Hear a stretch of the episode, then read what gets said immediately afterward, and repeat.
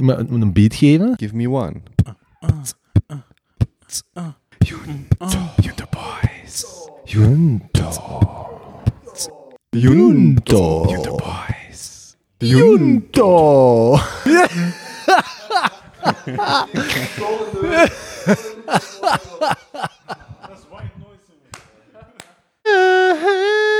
Turn. Zou je het opnemen? Nu wel, nu wel. Teun. Teun was even weg. Die had nog ehm, een dringende boodschap te doen voordat we begonnen met op te nemen. Woep, woep. We zitten vanavond in eh, de Hump. Eh, de, de wat? De Hump. De Hump. Maar hey, dit gaat echt... eh, Nee, oké. nee, nee. We zitten in... eh Teun gaat... ehm Teun gaat eh, uitleg geven. We zitten in de Hub, de Hub Antwerpen op het Nieuw-Zuid.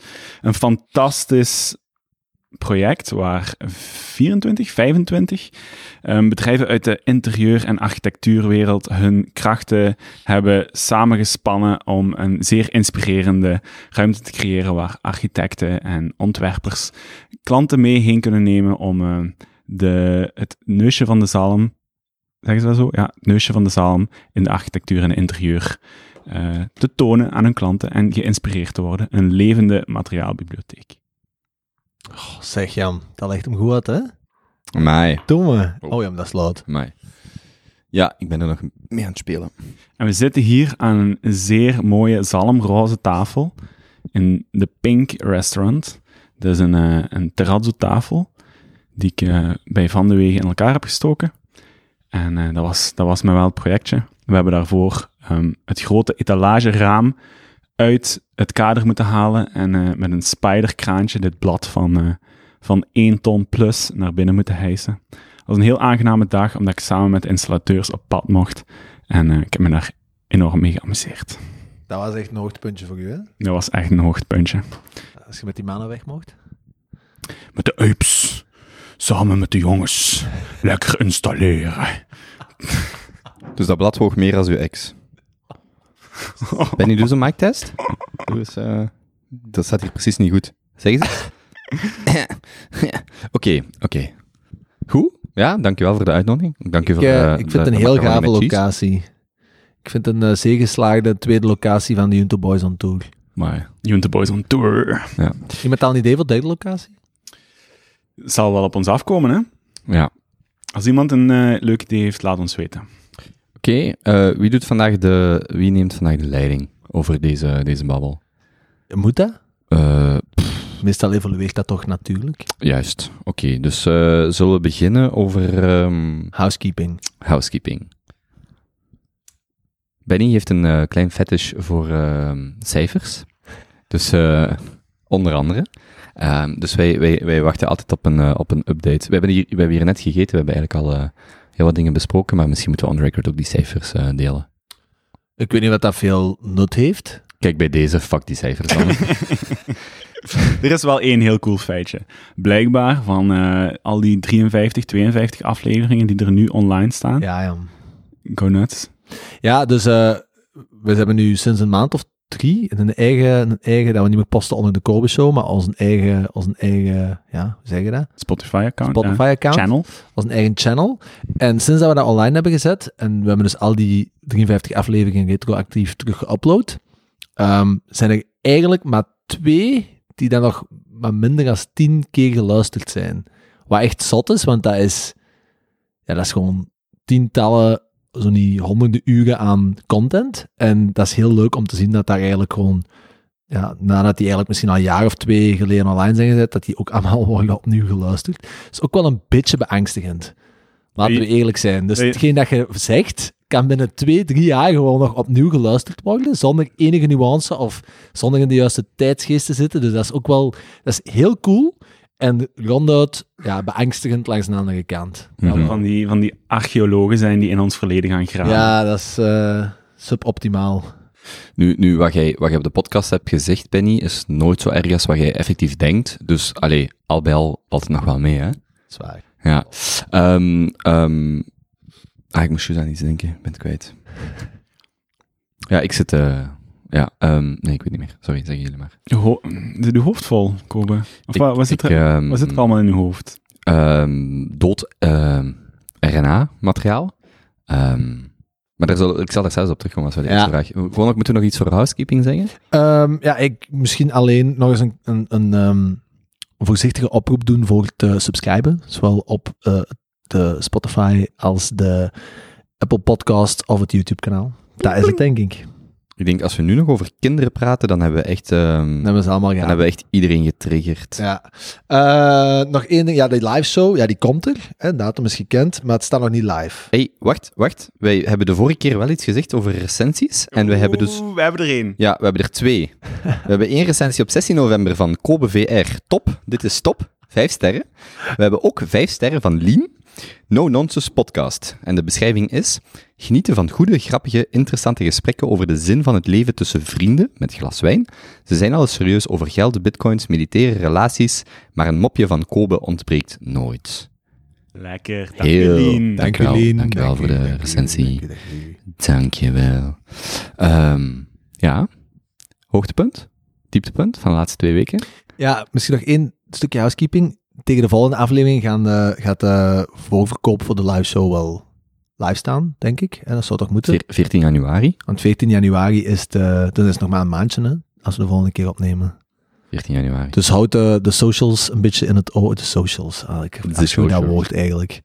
Houd de- onze Instagram-account een beetje in het oog, want daar gaat het eh, gepost worden. You hate it and you love it.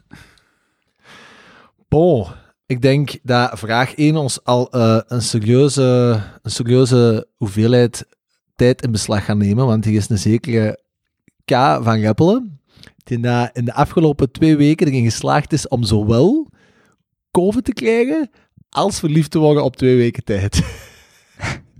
Ehm, Take it away, maestro. En go! ehm, ja, ik zal beginnen met het ehm, makkelijkere subject. Ehm, COVID. COVID.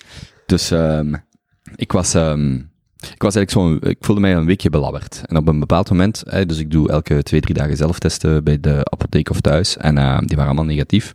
Op een donderdag ga ik trainen op de Jutsi en op vrijdag test ik, eh, donderdagavond dacht ik al, want het is toch vreemd, voor mij toch niet, prima. Vrijdag dan positief getest, vandaag is dag 11 sinds mijn positieve test, dus eh, ik ben uit isolatie na 10 dagen. ik heb zo, wat ik ook, als je de vorige afleveringen luistert, hoort hij mij zo'n beetje kuchen zo, dus ehm, dat is eh, grotendeels voorbij. Maar ehm, ja, ik heb eh, vier, vijf dagen zo lichte symptomen gehad. Ik had geen koorts, dus bijvoorbeeld mijn aura-ring, hè, die dan normaal merkt. Ik, ik heb, dus ik heb de data van de aura gebruikt om zo ook te tracken of ik ziek was, maar ik heb geen koorts gehad. Ook geen kortademigheid, niet van COVID. En ehm, ehm, ja, viel ook wel mee. Viel eigenlijk allemaal mee, maar ik ben eigenlijk al een paar weken of maanden eh, minder goed aan het slapen. Dus, dus het was zo, het was zo een mengelmoes. Dan positief getest en ehm, mm, drie, vier dagen eigenlijk afgezien. Dag zes, dat heb ik, dat heb ik ook opgeschreven, dat was echt, dat was magistraal. eh, met de nadruk op straal. Dus ik kreeg ineens diarree. En, eh, ja, dus, en blijkbaar, één op de, eh, ongeveer een derde van de, van de luisteren, van de mm, mensen die COVID krijgen, die hebben dus ook darmklachten. Ehm, want blijkbaar zet eh, COVID zich ergens in uw, in uw darmkanaal, of kan dat gebeuren? En ik had echt eh, de scheiterij, gelijk dat ehm Jozef die ook heeft gehad. Maar bij hem was dat, waren dat die, die pakjes dat hem elke tien minuten moest, moest slikken. Ehm, bij mij kwam dat gewoon natuurlijk. En ik zeg u, dus wij hebben het hier vaak over geneeskunde, bio, eh, biologie, eh, bio, ehm, wa- wat dan ook. Ik, eh, ik heb mijn moeder gebeld. Ik zeg, mama, eh, of gestuurd. Ik zeg, mama, Je ehm, moet deze zien, mama. mama, mama, ja, kijk. Kom een keer kijken. Hier is, Mama, je moet echt serieus. Nee, deze maar- is echt... Mama is veel gewend, maar ik zeg dus tegen mama van, kijk, eh, ik zit met dit probleem, wat kan ik doen? En mama zegt, haalt u wat Aquarius, cola, hè, klop, de, klop de, het, het zuur eruit. En ook ORS. En ORS zijn zo die- zakjes dat je in water doet, dat is eigenlijk voor baby's. Ehm, en ik zeg het, dat bouwt... Ik ben niet fier dat ik het op deze manier zeg, dus voor de gevoelige luisteraar. Denk eraan, ook- er luistert wel wat volk. Ja. komen. dat bouwt letterlijk... Ja, maar dus voor iedereen die scheiterij alles heeft gehad, weet... Iedereen. Iedereen. Dus dat bouwt letterlijk een dam voor uw anus. Dat is, dat is, dat is, on, dat is ongezien. Eh, zoals een oorprop. Dat is echt ongezien. Dus ik, ik, ik ben al, hè, dus ik moet twee, drie keer, nee, eh, om de twee, drie uur, om de één, twee uur opstaan om echt naar het toilet te gaan. En dat komt ook ineens, je kunt dat niet tegenhouden. Ik begin die ORS te pakken en je voelt precies echt, ja, je voelt zo, Het zit gewoon dicht. Ja, het zit gewoon dicht. En ik, ik, vind, dat, ik vind dat echt de shit, hè. Je voelt dat gewoon gebeuren. niet, dat is geen shit. Ja, maar, maar ik was echt weer onder de indruk van zo... Dan dacht ik, amai, als je dat nu niet hebt... eh, maar ik had dat dus wel. Dus het was gewoon gedaan. Ja, dat was... Ik, ik voelde mij wel nog een dag of zo, of twee dagen zo gewoon wat misselijk of zo. Binnen hoeveel minuten heeft dat effect op je Dat, knieën? dat was snel. Ah, wel, omdat ik het niet zo zag komen, ehm, dacht ik, heb ik het niet echt getrackt, maar dat kwam echt wel snel. Dus ik denk dat ik zo midden, zo op smiddags nog voor de laatste keer eh gegeneerd met mijn vierlarig wc-papier de held heb uitgehangen. En dan een paar uur later was dat echt gewoon, ja, was dat echt gewoon gedaan. Gedaan met pret. Ja, ja. Stop erop. Stop erop. Ja, dat was echt... En hoe lang is dat dan? Want dan, als dat een paar dagen te lang duurt, dan is dat ook paniek. Ja, maar dus, nee, dus ondertussen ehm, kan alles weer doen wat ik verwacht van, eh, van, van, van mezelf. Ehm, dat duurde eigenlijk maar een dag. Maar ik- weet je zo, als je zo, je weet dat je een slechte dag gaat hebben als je s'morgens denkt, het is zo'n eh, never trust a fart Ja, day. ja, ja, ja, ja. Dat je zo echt denkt, goh, ik moet eigenlijk een scheetje laten, maar pff, allee, zo plat, dat wil je niet. Ehm, Is dat Maar- gebeurd? nee, nee, nee, nee, nee, nee. Ik vind dat altijd, ehm, moest dat ooit gebeuren als ik met iemand ben, allee, met de andere persoon, zou ik zo denken van, oh, gaar me. Omdat ik zo, ik kan me wel inbeelden dat dat slecht is. Maar ehm, ja, dat was, dat was eigenlijk mijn, eh, mijn COVID, dus eh, ik kreeg morgen mijn herstelcertificaat en ik kan terug buiten. Dus smaakverlies? Minimaal, maar dat was meer zo gelijk een verkoudheid. Dat je ook zo, omdat je zoveel snot in je keel hebt, dat je denkt van, mm, het is dat een beetje. Ehm, En dit was ongevaccineerde COVID. eh, ja, maar ik had al COVID gehad, ik weet alleen niet wanneer. Ah, ja. Ik heb antilichamen. Dus, en ik heb ook, wat ook opmerkelijk was, ik heb dus intensief gesport op donderdag, de dag voordat ik positief heb getest, zowel PCR als sneltest. Ehm een gast, en die is niet positief geworden ook. En, Maar jij hebt met ons allemaal in de studio gezeten. We hebben ons allemaal laten testen. We hebben ook ja, en niemand. Er is, er is eh, weinig data, maar er is wel data over mensen die het gehad hebben, die blijkbaar qua transmissie ook gewoon heel laag ehm, scoren. Dus als je COVID hebt gehad, zit je blijkbaar niet meer zo besmettelijk. Of eh, is, is de variant of de versie dat je doorgeeft minder En besmettelijk. dat dat wel twee keer gehad, dus jij bent wel heel gevoelig dan voor de COVID. Mogelijks, ja. ja. Ik heb het twee keer gehad. Stukje vitamine D. Eh, C. Hmm. Ja, probeer wel veel buiten te gaan. Maar ja, in isolatie gaat dat niet. Mhm. En ik heb ook wel echt eh, lieve berichtjes, eh, berichtjes gehad, mensen die voor mij hebben gezorgd. Dus eh ah, eten hebben gebracht en zo. Dat was heel lief. Dus dat was dan uw dieptepuntje of uw stressje? Dat was, ik, ik wist wel op dag één van, oké, vanaf dag vijf gaat dat hier heel pittig worden, want je zit gewoon genezen of je voelt je genezen en je moet eigenlijk nog steeds binnen blijven, je mocht niks doen. Ja. Wat ons dan eigenlijk in een hele schone overbreng brengt naar puntje 2, namelijk hoogtepunt. Hmm. Mm. Het probleem is natuurlijk hoe, hoe, hoe ehm, oppervlakkiger iets, is, hoe harder je ermee kunt lachen. En vice versa. Eh, dus, dus, dus ik moet... eh ehm, Waarmee dat je wilt zeggen dat je naar nu komt niet oppervlakkig is? eh, nee, dat is diepzinnig. Diepzinnig. Ja, ja. Kijk, weet je, ik, ik, zal, het- ik zal het zo samenvatten. Als je eh, in isolatie zit, je hebt, je hebt toch een beetje het gevoel dat je leven stilstaat en, en de wereld gaat, eh, gaat voorbij. En, en ik had vooral in die isolatie het gevoel dat er zo aan mij getrokken werd. En ja, Ah, jezus, dat meen je niet. Dat, deze meen je niet. Dat is, kom aan. Die luistert, hè, man. Daar gaat er gewoon in blijven, niet. sowieso, Ja. sowieso.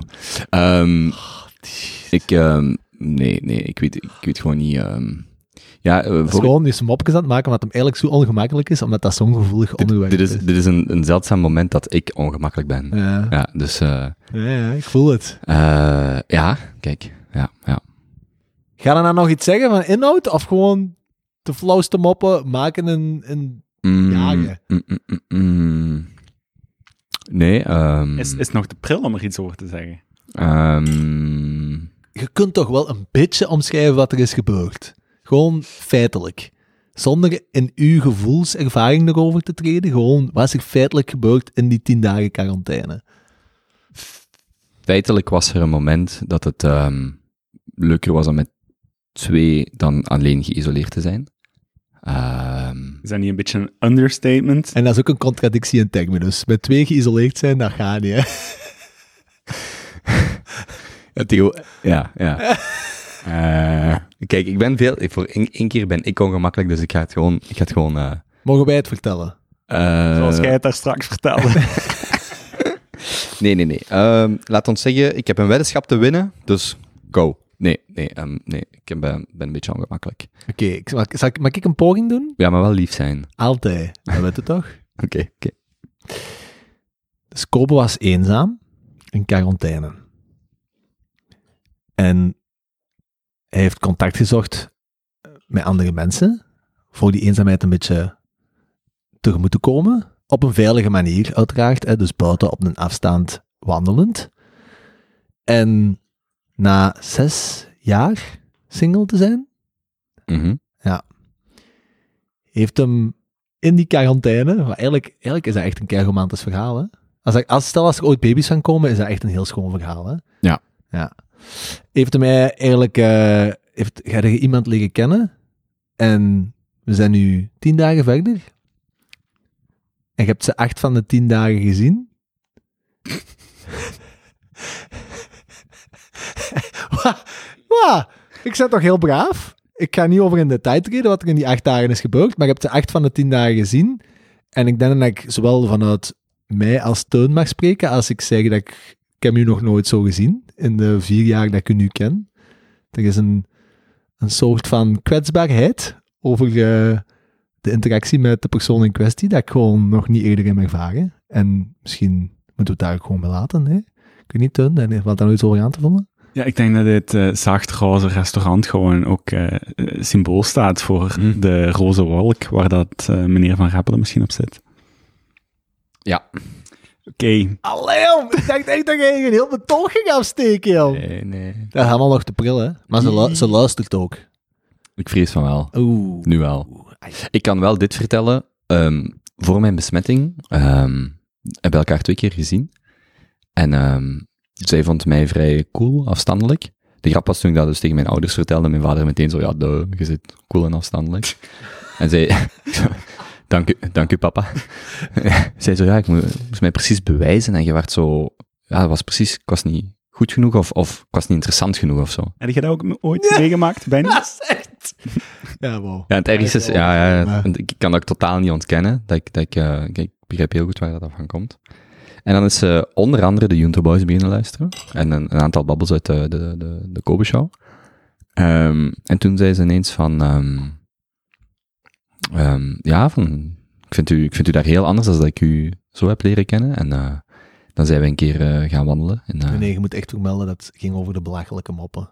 Oh, ja, zo, ze zegt de humor, de, de, at- ehm, hoe attent je bent, eh, de, de vragen die je stelt, de dingen waar je mee bezig bent, in de tota- totaliteit, niet enkel de Junto Boys.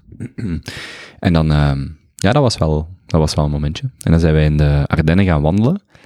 En toen was er een specifiek moment waarop ik denk dat, dat we ineens zo door hadden van, eh. maar dat is, zij heeft tussen de tweede afspraak en de wandeling, heeft zij een aantal afleveringen geluisterd. En dat heeft zeker geholpen. Dus, ehm Allee, ze vindt uw lach ook eh, te hilarisch. Het is mogelijk ook van de Kempen, maar ehm dus Die, is- die is van tongnaad. ik, eh, ik ga ze niet verder beschrijven. Maar ehm ja, zwart.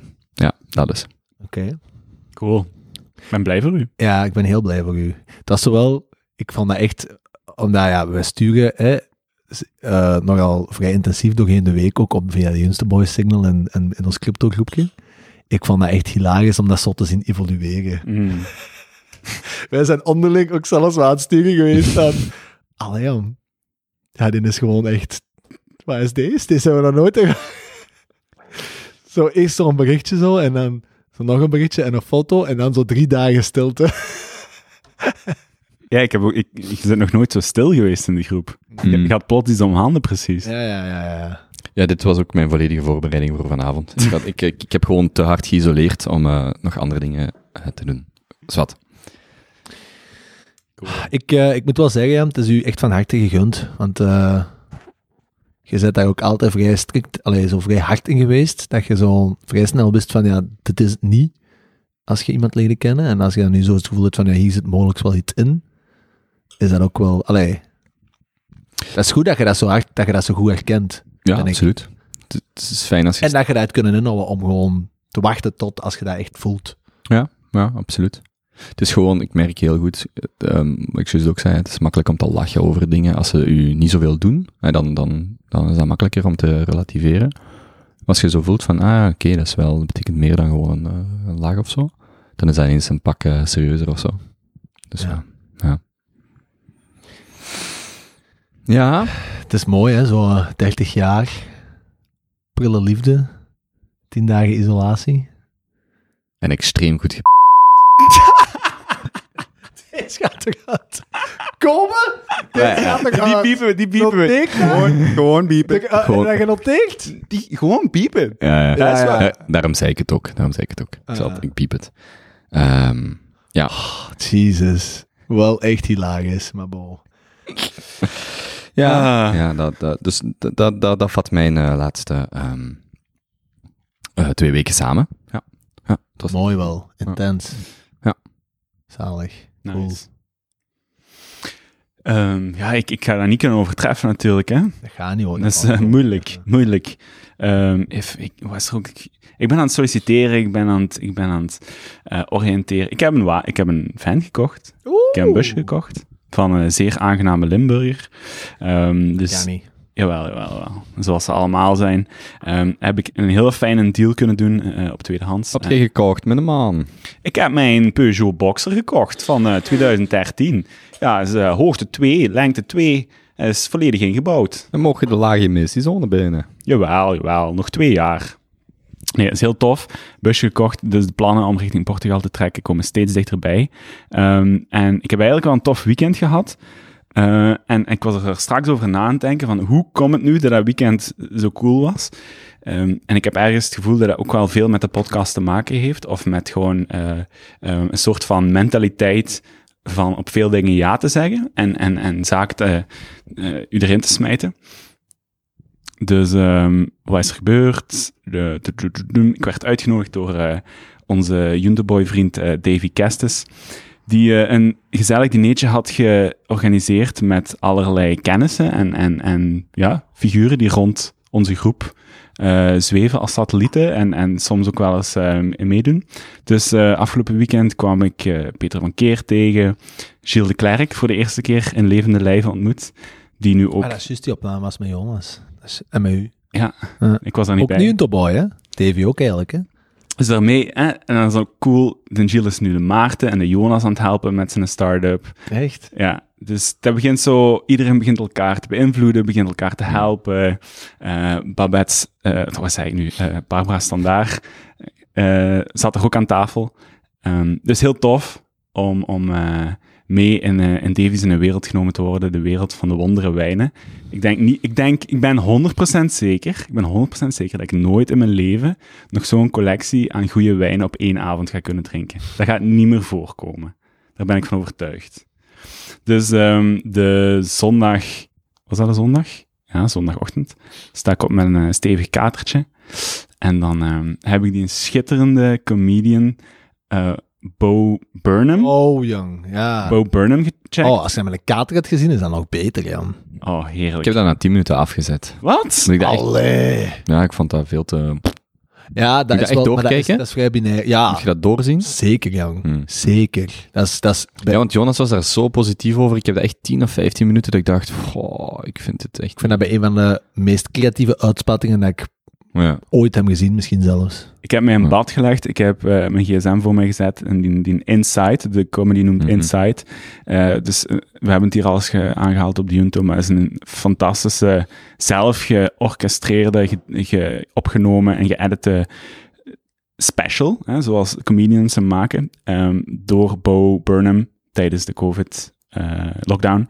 En ik vind het echt, het is een, ik vind het een meesterwerk. Als je houdt van liedjes, als je houdt van, van scherpe, intelligente humor, dan eh, is het echt iets om te kijken. Maar gewoon, de, die gast heeft dat allemaal zelf gedaan, hè? Ja, Alles, hè? Dat is toch absolute waanzin. Die zijn, die zijn album is misschien wel sowieso, denk ik, top 100 meest geluisterde albums van deze jaar op Spotify. Dat alleen al.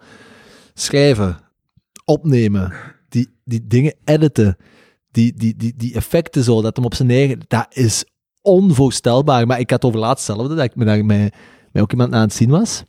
Ik had dat opgezet en, en zij ook zo na 10 minuten zag hij zo naar de gsm grijpen en zo. Ja, gewoon. Maar dat is net vrij binair Ja. is. Je vindt dat echt onvoorstelbaar of je denkt echt, wat is deze? Mhm, mhm. Ja. Dus eh heel tof weekend gehad. Eh, en nu zitten we hier in, eh, in de hub. Wanneer vertrek je blij. nu eigenlijk? Eh, begin- januari waarschijnlijk. Ja, Oh, januari. toch al? Ja, ik denk het wel. Dan Oké. januari ben ik weg. Eind januari. Mm, Live show nog, hè? ah ja, live show. Oké, goed. 15 januari. 15 januari. En ons, en ons weekend nog. Wanneer is dat weer? 22 januari. Eh, Ja, dat is zo ja. 20, 20 januari. Ja, oké. Dieptepuntjes, stressjes. Mm, ja, er is gewoon... Er is zo'n soort van knagend ongemak omtrent de, de wereld. Omtrent wat er allemaal is aan het gebeuren. En meestal kan je daar vrij goed van mee afzetten. Maar de laatste dagen is soms iets moeilijker om te zien hoe dat er door onze centrale banken wordt omgesprongen met economie, et cetera, et cetera. En ehm, ja, ik maak, me daar, ik maak me daar steeds meer zorgen over. En ik maak mij vooral zorgen voor de gewone man in de straat die onvoldoende tijd of toegang tot informatie heeft om zichzelf te beveiligen tegen wat er is aan het gebeuren. Voor die persoon maak ik mij bang. En de gevolgen van hem, hij die gefrustreerd gaat geraken en de gevolgen daarvan op onze maatschappij. Zo, het is gezegd. en nu kunnen jullie kiezen of dat we daar nog verder op ingaan of niet. Ik stel voor dat we dat even parkeren Mhm. voor de volgende vraag. Dit afronden en dat we dan gewoon misschien even die put inspringen of zo. Nog eens. Maar we mogen ook wel opletten dat dat niet altijd als we met ons terug opnemen. Ja, ik, daarmee ik zei... Ik, Ik had de vorige keer eh, inflatie in, de, in het lijstje staan, maar zijn er vorige keer niet aangekomen. Met de tweet van Jack. Misschien even deze vraag afronden, dan de volgende, en dan gaan we gewoon Mhm. inflatie, een inflatie eh, uurtje houden. Ja. Hè? Is dat oké? Helemaal oké. Benny. Hoeveel is uw huis meer waard geworden? Oké. ehm, hoogtepuntje. Mijn hoogtepuntje en mijn stressje zijn een beetje aan elkaar gerelateerd. Ehm, dus ik, ik werk al, goh, hoe ondertussen? Vier jaar, vijf jaar, met dezelfde groep aan mensen. Ehm, dus wij zelf met Bouw Living. En dan huren wij, hebben wij altijd een gebouw gehuurd met Redo Papers. Dat zijn twee dames die daar uit papieroverschot een nieuwe papierwagen maken, agenda's en bloknotes enzovoort. Heel cool bedrijf. En Studio de Ronners, met Lieslot. Ehm, en dat is een grafisch bureau. En wij, en daarvoor staat ook nog Space bij. Ehm, die zijn dan afgevallen. In elk geval, wij huren nu een gebouw naast de luchthaven in Deurne. Ehm, en ja, wij werken al drie, vier jaar samen. Dat is eigenlijk echt zo'n een, een heel hechte vriendengroep geworden, ook naast dat je collega's zijn. En een paar weken geleden had mijn eh vernoot en eh goede maat Axel van der Donk in één keer het idee van, hey, het is lang geleden dat we ze nog eens, hè, het is corona geweest en allee, toen was het zo wat, het is geweest, hè, het, is, het is gedaan. Laten we binnenkort zo nog eens met heel de, heel de groep iets, iets leuk, iets origineel gaan doen. Dus wij hadden het idee, we gaan op draken kweesten. Doet je dat niet elk weekend? Nice. hey, elke draak bewaakt een prinses. Oh, ehm, dus eh, dat was heel gaaf. Mm. Ja, dat was goed. Ehm, en eh, nee, dus het idee was, wij zitten dan eh, naast de luchthaven, tussen de luchthaven en ehm draken, Drakenplaan. Hè? En, eh, eh, ah, dat rondpunt, zo met ja. de brug. ja, Ja. hadden de, ik denk de Gidsguatela, dat het dat noemt. Ik probeer het op zo goed plat Antwerps te doen. Zeg.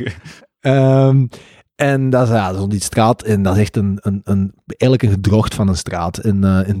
Dat is echt qua eh, ontwikkeling en architecturaal inzicht om eh, gewoon met je ogen gesloten door te fietsen. Maar, bon.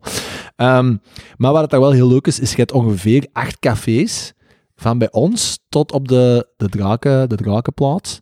Ehm, en het idee was, we gaan gewoon collectief in elk café minstens één drinken. Hm. We stoppen halverwege, want daar is dan Vrij België. Goeie, dat is wel echt een goed café. Eh, en taverne eigenlijk, kunt je nog iets eten.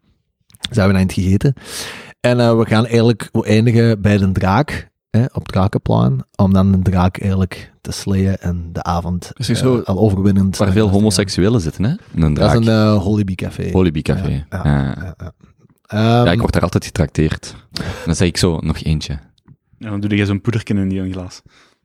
Niet daar. Oké. Oh, Jesus. Oké, eh, dus dat was, eh, dat was het idee. Ehm, ja, uiteindelijk evolueert toch in de weken heel die COVID-situatie opnieuw helemaal eh, de verkeerde kant uit. Dus bleek in één keer de timing ook, ja, oftewel heel goed of heel slecht te zijn. In elk geval, het was de laatste avond dat we dat eigenlijk nog konden doen, want de dag nadien was het Ah, dat was vrijdag. dat was vrijdag, Ja. ja. Dus wij natuurlijk wel met alle nodige maatregelen, met mondmaskertjes op enzovoort. En we waren ook allemaal wel getest in die week. Dus wij nog eens dachten, we gaan een laatste keer een goede lab opgeven. En ja, dat was gewoon fantastisch. Dat was echt Mm. zo leuk. Dat zijn allemaal van die Antwerpse ja, instituten, zou ik bijna zeggen, dat er in die straat liggen. Zo echt van die dorpscafés, waar dat zo... Ja, van die, van die, van die beroepszatlappen elkaar in stand houden en, en elkaar ondersteunen in, de, in de, de, zware, de zware strijd dat het alcoholisme bestaan is.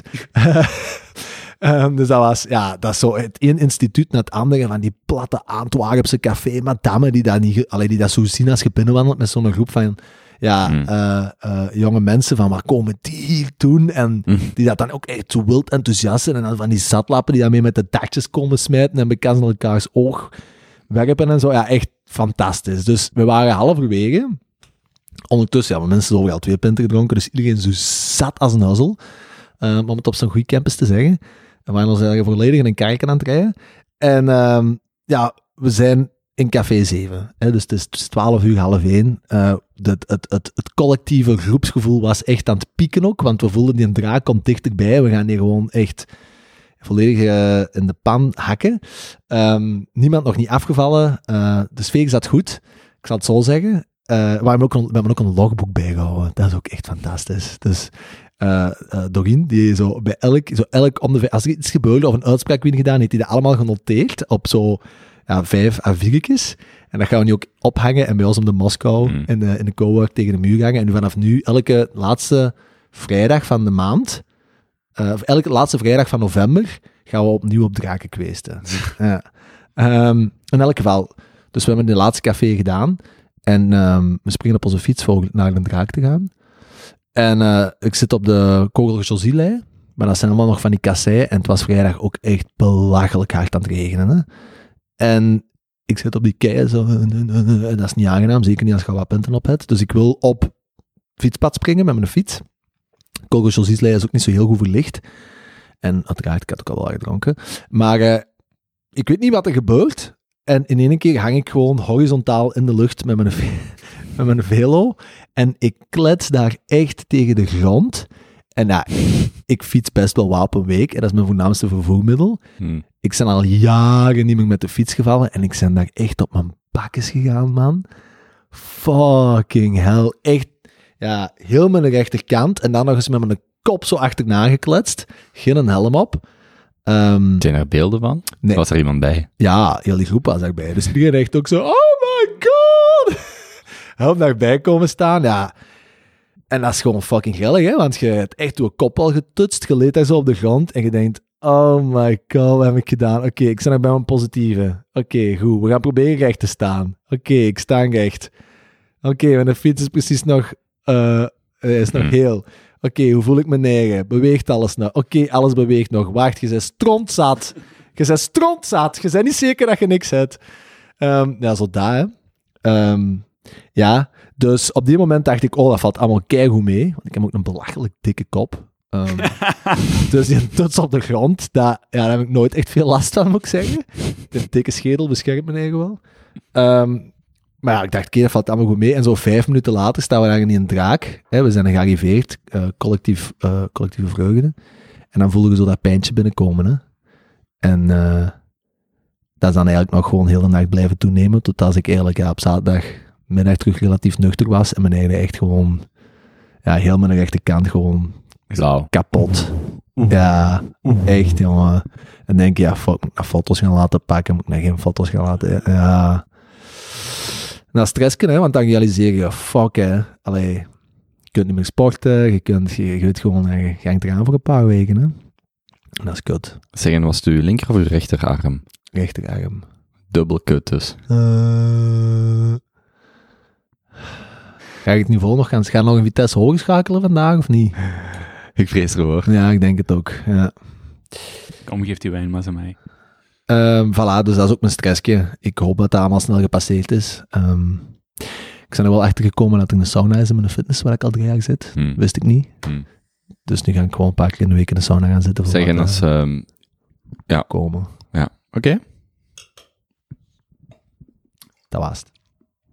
Dus dat was uw hoogtepuntje en uw stressje? Ja, hoogtepuntje was eh, de draak gaan... eh, de draak gaan proberen te Ik voel, slayen. En, ik eh, voel wel een eh Junto Boys drakenquest aankomen.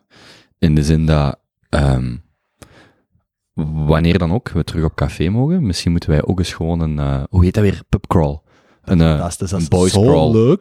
Kunnen wij niet zo'n Junto Boys crawl doen? Voor zowel de luisteraars die mee willen komen als jullie, als de mensen met een café of die mensen die mensen kennen, dat we gewoon, want ik ken al sowieso één iemand die café heeft die naar, veel naar de Junto luistert. Dat we gewoon eens een Junto Boys crawl doen. En eh, we gaan gewoon met ons en mensen die willen meekomen, gewoon eh, er zo'n locatie of vijf of tien eh, En dan, en dan stormen hier maar 50 man zo'n zo'n bruin café binnen. Dat is toch fantastisch. Nee, we kunnen dat cappen, hè. En we laten bij niet fietsen. Vallen. Vallen. Echt kut, ja, alles is stijf, ja, alles is zeer. Mm. Maar ja, ik vind dat een heel goed idee. Ik heb me echt nog eens ervaren hoe leuk dat een, een, eh, een pubcrawl kan zijn. Toen wij in Leuven zaten... Ah, ik weet eigenlijk niet of ik deze morgen moet vertellen, maar boven is al te laat. Eh, als we in Leuven zaten met de mannen van Mol, eh, met de Franco en zo, dan deden we elk jaar ook op de eerste dag van het jaar dat het goed genoeg weer was dat de rokjes terug in het straatbeeld waren, gingen wij collectief niet naar de les en deden wij de grootste toog van Vlaanderen. Dus de Oude Markt, gewoon aan één hoek beginnen en smiddags om 12 uur of zo beginnen met, eh, met eerst goed wat te eten en dan gewoon op één dag, of voordat je gaat slapen, gewoon proberen om in elk café er ene te drinken. Hmm. Het zijn 29 cafés. Heeft dat iets met die rokjes te maken? Eh, nee, dat was gewoon een collect, dat was zo'n startpunt. Dat is, dat is wel schitterend. Dat is in Mol het weer niet meten op basis van de temperatuur of de graden Celsius, maar De de hoeveelheid in het straatbeeld. Ja, Goeie metric, Wel jong. een van de betere dingen van de lente, vind ik ook. maar ja, jong. Dan- Maar dat is, allee, je kunt dat daar gaan meten, of je kunt ook gewoon zeggen, de eerste dag dat het warm genoeg is om terug op het terras te zitten. Hè. Mhm. Maar toen, tien mannen van de camper, 20 jaar, was eigenlijk de rokjes. Tuurlijk. Ja. Mooi. Voilà. Iedereen weer bijgebabbeld? Hebben, hebben jullie stressjes rond de derde prik? Moeten we het daarover hebben? Kunnen we het daarover hebben, ja. Ja, het is gewoon eindeloos, hè? Ik bedoel, wat, is de strategie? Hoe gaan we, hoe, wat dit? Dit nog tien jaar? Wat gaan we doen? Iedere Hmm. drie maanden boosterprik. Ik hoop, ik hoop in de grond van mijn hart en in eh, eh, laatste variant gewoon een gratis vaccin is van moeder natuur. Milde symptomen, super besmettelijk. Toch? Oké, maar gaat je... Want je moet toch ook binnenkort je derde prik in principe krijgen? Ja, ja. En ik, ik moet gaan reizen. Hmm. Wat doe ik? Iedere drie maanden terug naar België komen om een booster te komen halen. Maar ja, het zal niet elke drie maanden zijn, hè? Maar hoe, hoe denk je daar nu? o- Is dat gewoon een stressje? Is dat een issue überhaupt, of is dat iets wat je later beslist? Nee, dat is Omdat dat nu al zo vrij concreet is geworden met zo die max-data, dat je in principe moet gaan voor je booster of je tweede shot, afhankelijk van wat je hebt gehad. max data? Ja, ze willen echt zo, ik geloof bij Johnson, iedereen binnen de vier maand. Als je, ik, weet het niet van buiten, hè, maar het is echt zoiets van vier maand of zo, dan zou je voor je derde, allez, voor je tweede prik moeten gaan, voor je booster. En bij de andere geloof ik vijf of zes maand. Dus als jij je tweede shot vijf maanden geleden hebt gehad, kom je nu al in aanmerking, vijf of ik, ik weet de maanden niet van buiten, maar het, is gepubliceerd. Kom je al meteen in aanmerking voor je booster. Ik ben weigerachtiger dan vroeger. Ik hoor veel mensen in mijn omgeving twijfelen. Wat, wat de, de, en niet zozeer de, de niet, vac- niet per se vaccinskepsis, ik denk dat dat er weinig in zit, maar gewoon, inderdaad, was het plan hier. Was, Ja. de, was, was eigenlijk, waar, waar zijn we eigenlijk mee bezig? Eh, Ik heb nu ook wel gelezen dat ze ook wat meer gingen inzetten op testen, hè? Gratis testcentra. het is eh 1 december bijna. Fijn dat ze daar nu op gaan inzetten. Ja, ja, maar ja, het is goed, hè? Allee, het is goed dat het nu begint te komen, hè? Hm. Ja, ik, eh, ja, wat valt daarover te zeggen? Ik denk dat iedereen een beetje met hetzelfde gevoel zit, hè? Ehm, denk dat niemand echt staat te springen voor om het half jaar u door, allee, eender wat te laten inspuiten. Ehm, We zijn mannen, hè. ja.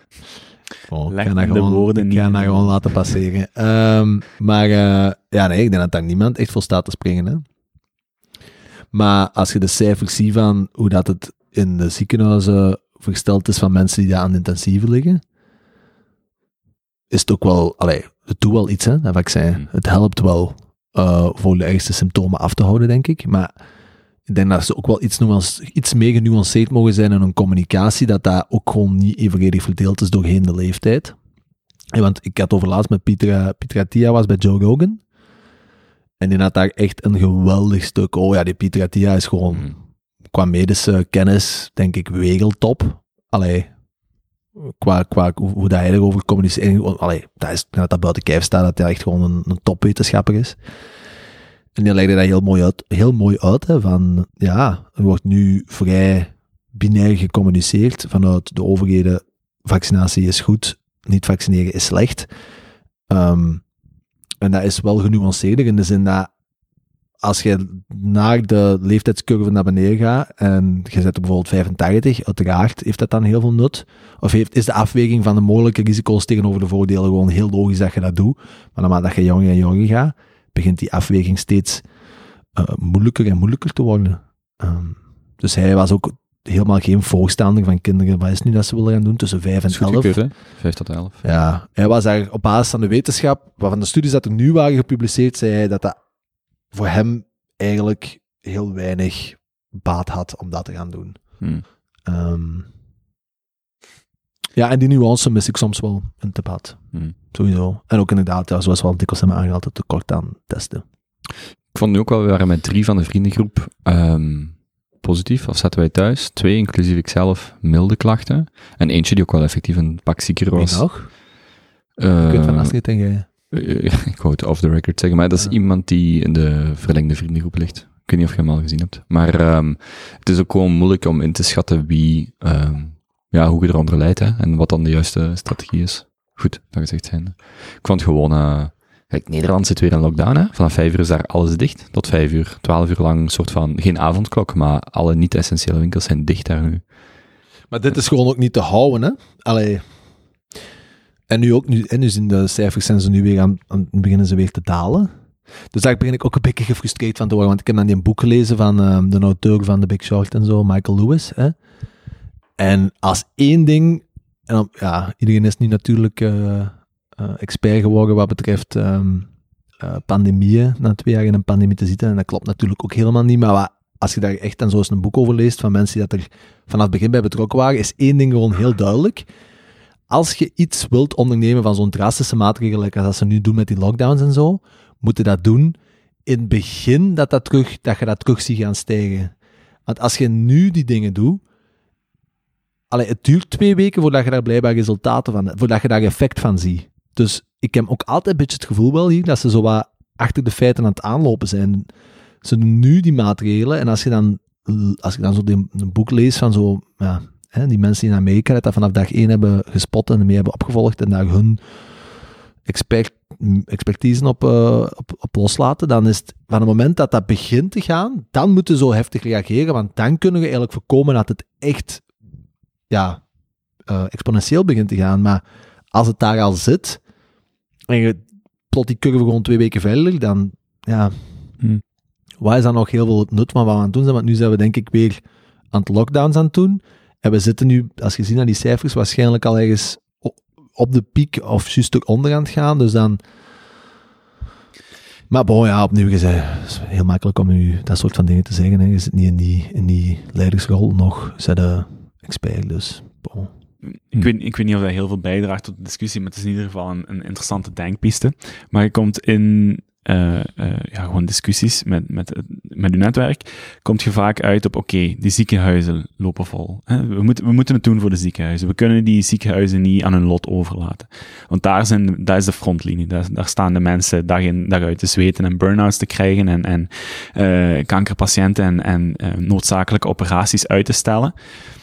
Dus ik, ik werp dan op, oké, stel u voor, als je COVID hebt, je wordt gewoon niet meer verzorgd. Je, je moet zelf ervoor zorgen dat je, dat je erdoor geraakt. We kunnen geen COVID-patiënten meer aannemen in het ziekenhuis. Het moet zijn gewone gang van zaken gaan. Zou dat ook niet ervoor zorgen dat iedere Belg veel harder begint op te letten, veel harder op zijn passen let om, om niet besmet te raken, gezonder te leven, op zijn voeding te letten, de juiste supplementen eventueel te pakken. Waar trek je die lijnen? Ja, en ook wat voor opstanden krijg je, hè? wat voor betogingen krijg je als je zoiets doorvoert. Maar ja, dat is toch de grap nu. Nu is heel de discussie gevaccineerd, niet gevaccineerd. Maar we kijken niet naar was uw BMI, hoe lang rookt je, jada, jada, jada. daar wordt allemaal niet over gepraat, hè. Onderliggende aandoeningen. Want gaat dan de, toch, vond ik vrij ehm, aangrijpende boodschap van Chris van den Nabelen van de VRT, die journalist. Die zei van, ja, mijn kankeroperatie wordt eh, uitgesteld, omdat er gewoon geen plaats is op intensieve. Ik vind dat heel, eh, heel pakkend, maar hij koppelt daaraan, ja, eh, als niet-gevaccineerde, denk na, eh, jij zit eigenlijk verantwoordelijk daarvoor. dat ik denk, en ik heb er al met meerdere mensen over gehad, doe, zou eens een tour doen door intensieve. Het zijn niet allemaal gezonde gevaccineerden dat daar liggen. Hè? Dus de, de access die wij bewandelen is gevaccineerd, niet gevaccineerd. Maar dat je al 30 jaar rookt of een BMI van 35 hebt, maar dat zeggen wij ook niet. Hè? Dus wij zeggen ook niet van, ah ja, als uw BMI boven 25 is, blijft dat maar buiten. Dus- Dus maar binnen. Ja, nee, ik bedoel, blijf dan maar buiten uit de intensieve. We gaan Ah. even wat Teun het zegt van, hè, als we nu zeggen dat we mensen met COVID niet gaan behandelen, hè, als hoop dat mensen zich dan beter gaan verzorgen. Ja, je kunt dat op veel dingen zeggen, hè, maar zo werkt ons systeem niet. Ja, maar Ja. Je, je zit in een maatschappij terechtgekomen waar, waar mensen niet meer mogen doodgaan. Levensverlenging, ongeacht de kwaliteit daarvan, is precies het hoogste goed geworden. En, en we gaan daar zo ver in. Maar op alle vlakken, lu- luchthavens, eh, bedrijven mogen niet meer failliet gaan. Alles wordt kapot gestimuleerd. Overal, iedereen redden ze maar. Wat is dan, de, wat is dan nog het nut van, van een soort van wet van de sterkste die ervoor zorgt dat je een, een gezond ecosysteem behoudt? Als, als niks mag doodgaan. En dat gaat heel ver, en dat is gemakkelijk om te zeggen als jonge 20-jarige. Wil je eigenlijk zeggen dat de ECB een gigantische pingwing is voor de Europese... Wacht, nee, ik probeer hem op te maken. Het lukt niet helemaal. Ik wou iets met overgestimuleerd grappen, maar wat. Nee, niet noodzakelijk, maar ik denk, hè, ik denk wel dat een soort van natuurlijke selectie of een soort van, van ja, natuurlijke selectie is op ieder niveau in onze maatschappij er stilaan uit aan het gaan en daar dragen we de gevolgen voor. En ik begrijp dat, we kunnen daar niet terug heen gaan, maar dat is, dat is wel een van de redenen waarom dat we in deze penarie zitten. In Afrika kunnen ze geen lockdowns doen. Hè? In Afrika is er geen geld voor om, om alles te blijven stimuleren, mensen checks te sturen.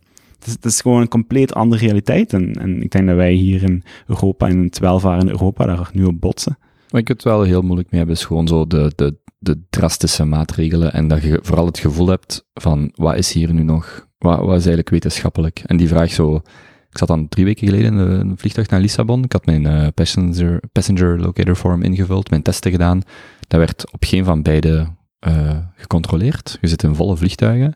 Vandaag moeten dan de clubs weer dicht. En er zijn zo, zo kun je honderd voorbeelden geven, hè, en het is ook niet zo gemakkelijk. Maar je stelt je gewoon de vraag van, goh ja, wat, wat, zijn, waar zijn wij eigenlijk mee bezig? En heeft er iemand eigenlijk een idee, een wetenschappelijk onderbouwd idee van hoe drastisch iets mag zijn? En ik, ik heb zo gevoel dat... Je kunt, je kunt, een, over, je kunt een, een, een maatschappij niet alleen gunnen op basis van wetenschappen. Nee, maar ik vind dat heel, het, het, het socio-economische en het psychologische begint, dat is wat ik zo voel, veel meer door te dringen. En mensen hebben, ik denk dat heel veel mensen op het einde van hun Latijn zitten. En dat louter de medische verantwoording, het aantal bedden die bezet zijn en zo, dat dat hoe langer hoe minder effect heeft. Dat mensen echt zoiets hebben van, sorry, maar dit, dit kunnen wij gewoon niet, je kunt daar gewoon niet meer aan. Uh, Nee, nee, nee. Ik en dat is een heel moeilijk, ik, ik weet ook niet wat daar een antwoord op is. Hè. Maar ik begin dat vind, meer en meer te voelen. maar ik vind uw ding van de wet van de sterkste en zo, ik snap dat, in theorie, totdat dat uw eigen oma is. Ja, ja. Of uw eigen, of uw eigen vader van 55 met, ik zeg maar iets, astma. Oh, en je gaat naar het ziekenhuis en ze zeggen, ja nee, sorry, het ligt vol. Dan, dan zie je iets, hè. ja, absoluut. Maar ik heb, Mhm. Dat is hetgeen dat ze willen dat is ook de voorkomen, hè. kanttekening die ik er direct wil, wil bijmaken. Maar Dus Ja, ik, denk, ik denk dat dat vanuit politiek standpunt, allee, ik snap, ik snap van waar dat, dat komt. Ik denk dat dat in de praktijk quasi onmogelijk is om door te voeren. Maar in de praktijk wordt dat doorgevoerd. Hè. In de praktijk is dat de triage aan de ziekenhuizen als alle intensieve bedden effectief vol zitten. Dan wordt er daar beslist, sorry mevrouw, jij komt er niet meer in, zeg jij wel.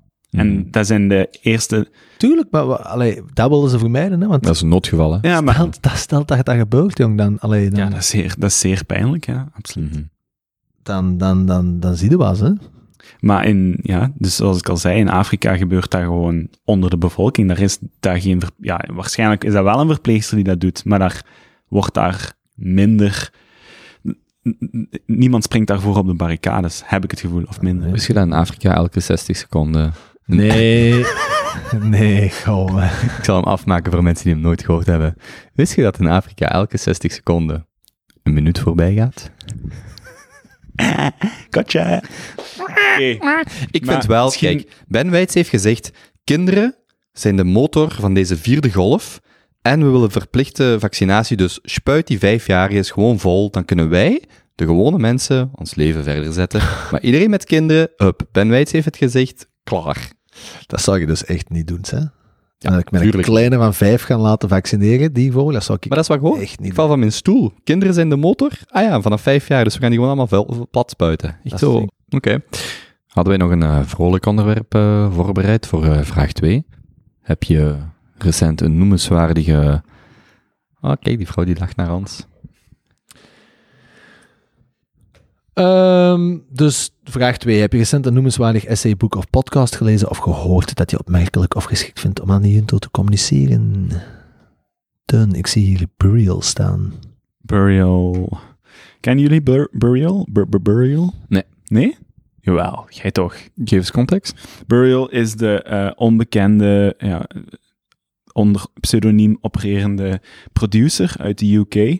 In Mhm. 2007 het, ma- het meesterwerk Untrue heeft gelanceerd. Eh, dat is eigenlijk een soort van eh, cult eh, plaat, muziekplaat. Ehm, gewoon heel moody. wat is dat? Dubstep, breakbeat. Het is gewoon heel moody, het is heel cool. Eens een goed nummer. Ehm, Een Archangel. Maar ik ga, u dadelijk, ik ga dadelijk iets opzetten. Oké, oké. Ehm, dus het coole daaraan is, dat is niet gemaakt met fancy software. Dat is echt, eh, dat is met zo heel rudimentaire software gemaakt, Soundforge. Ehm, het is zeker niet, niet, het is niet doodgeproduceerd, maar hij heeft er echt een ziel in weten te leggen. Het zit vol met soul. Het, heeft, heeft, het, heeft- brengt u het gevoel alsof dat je na een zware nacht aan de drugs uit een duistere discotheek terug naar huis zit aan het lopen en de zon komt op door de mist en je loopt eigenlijk door het industriële complex eh, terug naar de bewoonde wereld. Ook wel een van de betere gevoelens, toch, Teun? Ja, is heel speciaal. Ehm hebben we toch allemaal wel eens meegemaakt. Ehm, en het coole aan die gast is, dat is echt zo'n YouTube-digger. Dus die is in de meest obscure eh, plekken samples gaan zoeken. En die heeft dan eigenlijk altijd ingezet op de emotionele value van die samples. Niet zozeer de kwaliteit, maar echt de vibe. Wel, welk gevoel weet het over te brengen. En er is dan een hele cult ontstaan in de UK eh, van allemaal mensen die zijn samples zijn gaan terugzoeken en, en, en, en gaan, eh, gaan zoeken van ah, wie is dat nou, die Burial? Eh, is nooit echt bekend, of is nooit echt eh, duidelijk geworden wie dat is. De Banksy van muziek. De Banksy van muziek is echt de perfecte, de perfecte metafoor. Dus ik ga een klein stukje opzetten waarin dat je hoort hoe dat hij een sample van Beyoncé omtovert in iets heel cool ehm, en je ook direct te weten komt wat nu de sound van Burial is. Het is mijn favoriete cd. Ik heb die vorige week nog eens terug ontdekt, omdat ik terug veel achter de computer sta. Perfect om u, te, om u- op te concentreren. Ik ga die gewoon ook opslaan. Maar jawel, Burial. Ik nou het ook heel lustig. Ja? Dat is Fortet toch ook, hè? Fortet en Burial, dat is... eh, Maar is, Passion God. oh, oh. is Fortet niet Burial? Nee, nee, nee. Ze, ze werken wel samen. Ah. Reclame. Playful. Listen to what he does to Beyonce's soft tones on Untrue's title track. Here's the original clip from her 2006 cut, Resentment. to the way I feel inside, and it's all because you lied. Here's how the same vocal ended up on Untrue. I feel inside, and it's all because you lied. A gooey R&B jam by Beyonce is one Dus, voorsmaakje. Ga het zeker eens uitchecken. Een paar dingen waar ik aan moet denken, is zo uiteraard J. Paul. Ik weet niet in welke mate dat... Er staat een geweldige YouTube-video van eh, what, what Happened to J. Paul. Doe mij daar eh, wat aan denken. En een ander idee is zo... Je hebt soms zo, als je artistiek bent, je ziet dat vooral zo, eh, de artistieke zoon of dochter praat met mama en papa over het artistieke wat hij wil doen. En ehm muziek, film, wat dan ook. En vaak is dat zo wat, zo, zou je niet serieus gaan doen of zo? Ehm, of, of is daar niet al genoeg van? Is zo een van de dingen waar ik echt zo een beetje tand van word. En ehm, dus, dus mensen vragen dan is daar niet al genoeg van? Dus nee. En een tweede ding is, ehm, dus mensen die artistiek zijn, hebben vaak een idee, het moet origineel zijn, het moet volledig origineel zijn, of het is niet goed genoeg. Als je dan naar de wereld van muziek gaat en je kijkt naar samples en remixes, hoeveel geweldige interpretaties dat er zijn van, eh, waar dat dit ook een voorbeeld van is, van andere muziek. Ik vind dat zo fascinerend. Voor mij was de, de gateway drug in heel die sampling remix wereld was Daft Punk. Ik denk dat dat voor heel veel mensen zo is. als je ziet, en je hebt fantastische YouTube-kanalen, ik denk Who Sampled, waar ze dan eigenlijk ehm dissecten eh, van waar wat komt. Als je naar die remixes en die samples kijkt, dat is zo een wereld op zich. Ik vind dat zo fascinerend wat mensen met bestaande muziek kunnen doen, eh filmmuziek, eh, gewone muziek. Doet mij er ook aan denken, ik ben zo sinds een aantal, ik denk sinds Extrema dit jaar eigenlijk terug Progressive House aan het ontdekken, wat is ook ja, gewoon als genre. Als je ziet in welke mate dat remixes, ehm, hoeveel impact dat die eigenlijk hebben, iets herkenbaar herverpakken, ik vind dat een van de mooiste argumenten om gewoon aan de slag te gaan met dingen, daar je eigen ding mee te doen, omdat vaak heeft zo kunst en creativiteit moet precies puur zijn. En als het niet puur is, dan is het niet goed genoeg. En dan luistert je naar muziek en dan denk ik elke keer weer opnieuw, er zijn remixes, of, of retakes, of hoe je het ook wilt noemen. Of zelfs een akoestische versie van een nummer, dat je echt denkt, dat is gewoon geniaal. En je ziet de genialiteit van de nieuwe persoon, de tweede persoon, die daar zijn of haar versie van maakt. En ik kan daar elke keer naar Ja. kijken of naar luisteren en echt denken van, dat is zo geniaal dat jij van dit dat maakt. En ik vind dat echt zo mindblowing elke keer. Absoluut. En er is onlangs, eh, deze week, is, is eh, Virgil Abloh, Abloy, de creative director van Louis Vuitton, is gestorven. En die deed dat exact in de fashion. Hm. Dus wat hij eigenlijk deed, is die pakte... eh, die ging een beetje verder op zo ready-mades. Die pakte de, graafste schoenen van Nike. En het enige wat hij dan erop deed, was off, eh, off-white daaronder schrijven. En een nieuwe sticker, een nieuw logo. En die veranderde maar 30%. Omdat je eigenlijk al met een icoon werkt. En je brengt dat nog eens naar een nieuw niveau. Ook weer, hè, het gaan remixen van beelden, van, van iconen die al heel, die al in onze, onze collectieve cultuur zitten. Ehm, en die was daar gewoon heel sterk in. Mm. Ehm, een, een, trolley suitcase, maar dan gewoon die trolley doorzichtig maken. Eh, Zo een beetje remixen met, met iconen en, en, en beelden die er, eh, die er al waren. Ja, een ander voorbeeld is collages bijvoorbeeld. Hè? Exact. Wat, wat mensen kunnen doen. Eh, Ik moest er gewoon aan denken, omdat je dit zo tonen, zo van hoe, hoe, hoeveel deugd het mij doet om zo die herwerking, de herinterpretatie van dingen te zien, kan, ik kan er echt extreem van genieten. Maar je kunt ook het argument voegen dat alle kunst herwerkt is op Ja. basis van de voorgaande. Maar alle kunst, alle filosofie, alle... We hebben dus... we hebben dus, hebben wij dus een story gepost dat iemand een foto moet komen maken? Nee, we hebben gezegd dat ze naar hier mogen komen. Oh, te grappig. En eh, nu loopt eh, onze Junte Boys vriend Maarten Tak. Die gaan mee willen opnemen, hè? Eh, hem? Ehm, Dat weet ik niet. eh, ik kan er eentje fixen, denk ik. Oké, maar ehm, dat was dus Burial. Heb jij iets om... eh, oh, ik ga hier even de deur... Ja, we gaan misschien eerst even open doen, hè? dat is dus wel heel funny. Welkom Maarten, zet u erbij. Marty! Ja, ja. Zet u erbij. Ja, we zijn aan het zien dat we nog een microfoon bij hebben, maar dan kunnen we misschien gewoon meedoen. Maar ja. Bro, ik kan even, want dat is niet zo interessant, ik kan even gewoon veilig doen, hè? Mhm. Ehm wat? Wat ga ik doen? Even, even knippen. We zullen zelfs even knippen. Hallo? Yes. Nee, we hebben, we hebben maar drie. Oké, met, een kleine, met een kleine pauze. Eh, eerst even Maarten voorstellen, of gaan we gewoon voort? Voort. Oké. Ehm, ik wou er... ik wou er nog iets op zeggen. Ik, ehm, want het tegenovergestelde heb ik recent ook gezien. Dus een artiest die na, vanuit niks gewoon iets bijster origineel verwekt. Ah, de Kobe Show. Ja, nee, wanneer gaat die nog eens iets maken, die artiest? Die ze gaan... eh, ja, sorry. Ja. Eh, nee, er is op, eh, op Disney Plus is er een documentaire gelanceerd dit weekend van op Disney Plus is er een documentaire gelanceerd van de Beatles. Ehm, heel graaf eigenlijk. De Beatles hebben voordat hun laatste optreden ooit hebben gedaan, in begin jaren 70 was, hebben die hun eigen drie weken opgesloten in een studio, eh waar ze een heel, een heel nieuw album hebben geschreven. En dat is quasi volledig, die dagen dat ze in die studio hebben gezeten en heel dat proces erachter is quasi volledig gefilmd. Dus ze hebben 60 uur aan videomateriaal, maar dat is nooit verwijt geweest tot een documentaire, of dat is nooit eerder uitgebracht. En Apple Inc., dan ja, de, het bedrijf dat de, de mediarechten van Apple, eh, van, ehm, van de Beatles beheert, heeft een paar jaar geleden Peter Jackson aangeschreven, want die wist dat dat een hele grote fan was van de Beatles. En die had, eh, heeft gewoon toegang gekregen tot heel dat, heel dat, eh, ja, hoe zeg je dat? Heel die, die set, die 60 uur aan video. En hij heeft dat nu heeft dat geëdit tot echt, ik vind tot nu toe, ik zit ergens halverwege en ik vind dat echt zo belachelijk gaaf om volgens mij toch een paar van de meest creatieve muzikale breinen dat er in de 20e eeuw hier hebben rondgewandeld, hun creatief proces te zien. En ook op het moment dat de Beatles eigenlijk zo, en dat zie je ook echt tijdens de, tijdens de documentaire, die, dat zat daar niet goed. Hmm. Allee, dat zat daar echt niet goed. Dus je ziet ook dat zo halverwege degene het gewoon aftrapt. En zo die spanningen en zo. En dat is allemaal gefilmd. En dat is allemaal in kaart gebracht. En het, coolste dat ik, dat ik dan eigenlijk naartoe wil komen is...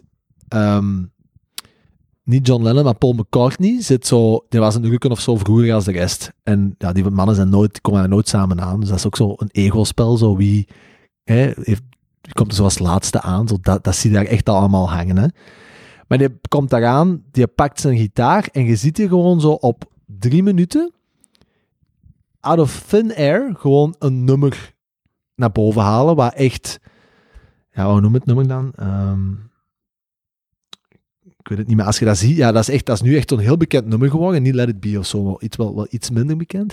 Maar op drie minuten van, van niks heeft hij daar gewoon een nummer gecreëerd, waar nu misschien al x aantal miljard keer gespeeld is over heel de wereld. En dat proces, dat je dat gewoon kunt zien, Come Together. Nee, ook niet. Maar echt heel, heel, heel, heel, heel gaaf. Dat is echt een aanrader. Ik zou, als, je, als je het hebt, of als je toegang tot hebt, of je bent fan van de Beatles, je moet dat echt zien. Dat is echt belachelijk cool. Waar staat dat op YouTube?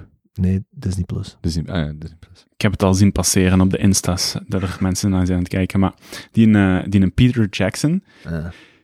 eh, bekend van eh, Lord of the Rings, hè? ja. En eh, die heeft voor Lord of the Rings eigenlijk echt baanbrekend werk verricht op vlak van special effects. Ja, ja, Weta Studios. Exact. Ja, ja. Weet je voor hoeveel hij verkocht is onlangs? Je dat verkocht? Hij heeft Weta Studios verkocht. Dus Weta Studios is de geniale studio die al die orken heeft 600 bedacht. miljoen? Nee, 600 miljoen is te weinig. Wow. Maar dat, dat wordt verkocht aan, ik denk, Ubisoft. Ubisoft gaat het overpakken. En zeker nu dat heel die strijd is losgebarsten rond de metaverse, hè, waar dat iedereen online gaat, iedereen digitaal AR, VR gaat, ehm, is dat een, een, gegeerd, eh, een gegeerd ding. Hè, die Weta Studios, ik denk dat er 400 special effects artiesten onder zitten. En een Peter Jackson heeft er verkocht voor 1,4 miljard. Jezus, ja. Alsof hij nog niet genoeg verdiend had aan de franchise van Lord of the Rings. Ja. Wow. Ik vind dat wel een speciaal figuur, omdat hij ineens zo bij de drie beste films ooit gemaakt. En daarna zijn die zijn films zo altijd wel een beetje... eh, ja, zo wat cringe. Mag ik daarop inpikken? Ik heb in de week ehm, dingen gezien, proberen te kijken. Doe mij daar aan denken. Eternal Sunshine of the Spotless Mind. En we hadden het net ook over ehm, dat ik eh, Burnham had afgezet. Dat ook of wat? Ah, Wel, dus op een bepaald moment... Ik was bij iemand die tijdens de film in slaap is gevallen, maar die valt tijdens films vaker in slaap. Om eh, ze niet nog eens te vermelden. En je ziet heel goed dat zo bepaalde periodes, de 90s, 20s, allee, eh, 2000 hoe je ze wilt indelen, een, een bepaalde filmstijl heel prevalent is. Gelijk, ehm Balaji had ook zo in de week een tweet dat hij toont van de laatste 10, 15, 20 jaar heb je een bepaalde setting. Ik denk het groen-rood of het oranje-groen licht, dat in, films heel vaak terugkomt. Je had twee posts over. Eentje was over het feit dat we veel meer sequels hebben dan, dan gewoon originele films. En een tweede was een bepaalde filmstijl die nu heel prevalent is. En dus als je Eternals eh, Sunshine of the Spotless Mind kijkt, een film van 2004, de manier waarop die scènes gekut zijn en waarop dat het verhaal verteld wordt, ik kan daar bijna niet meer naar kijken. Gelijk dat een kind van vandaag, gelijk vroeger was ik zot van Dragon Ball Z, een kleine vandaag kan dat niet meer zien. Dat is gewoon te traag, daar gebeurt te weinig.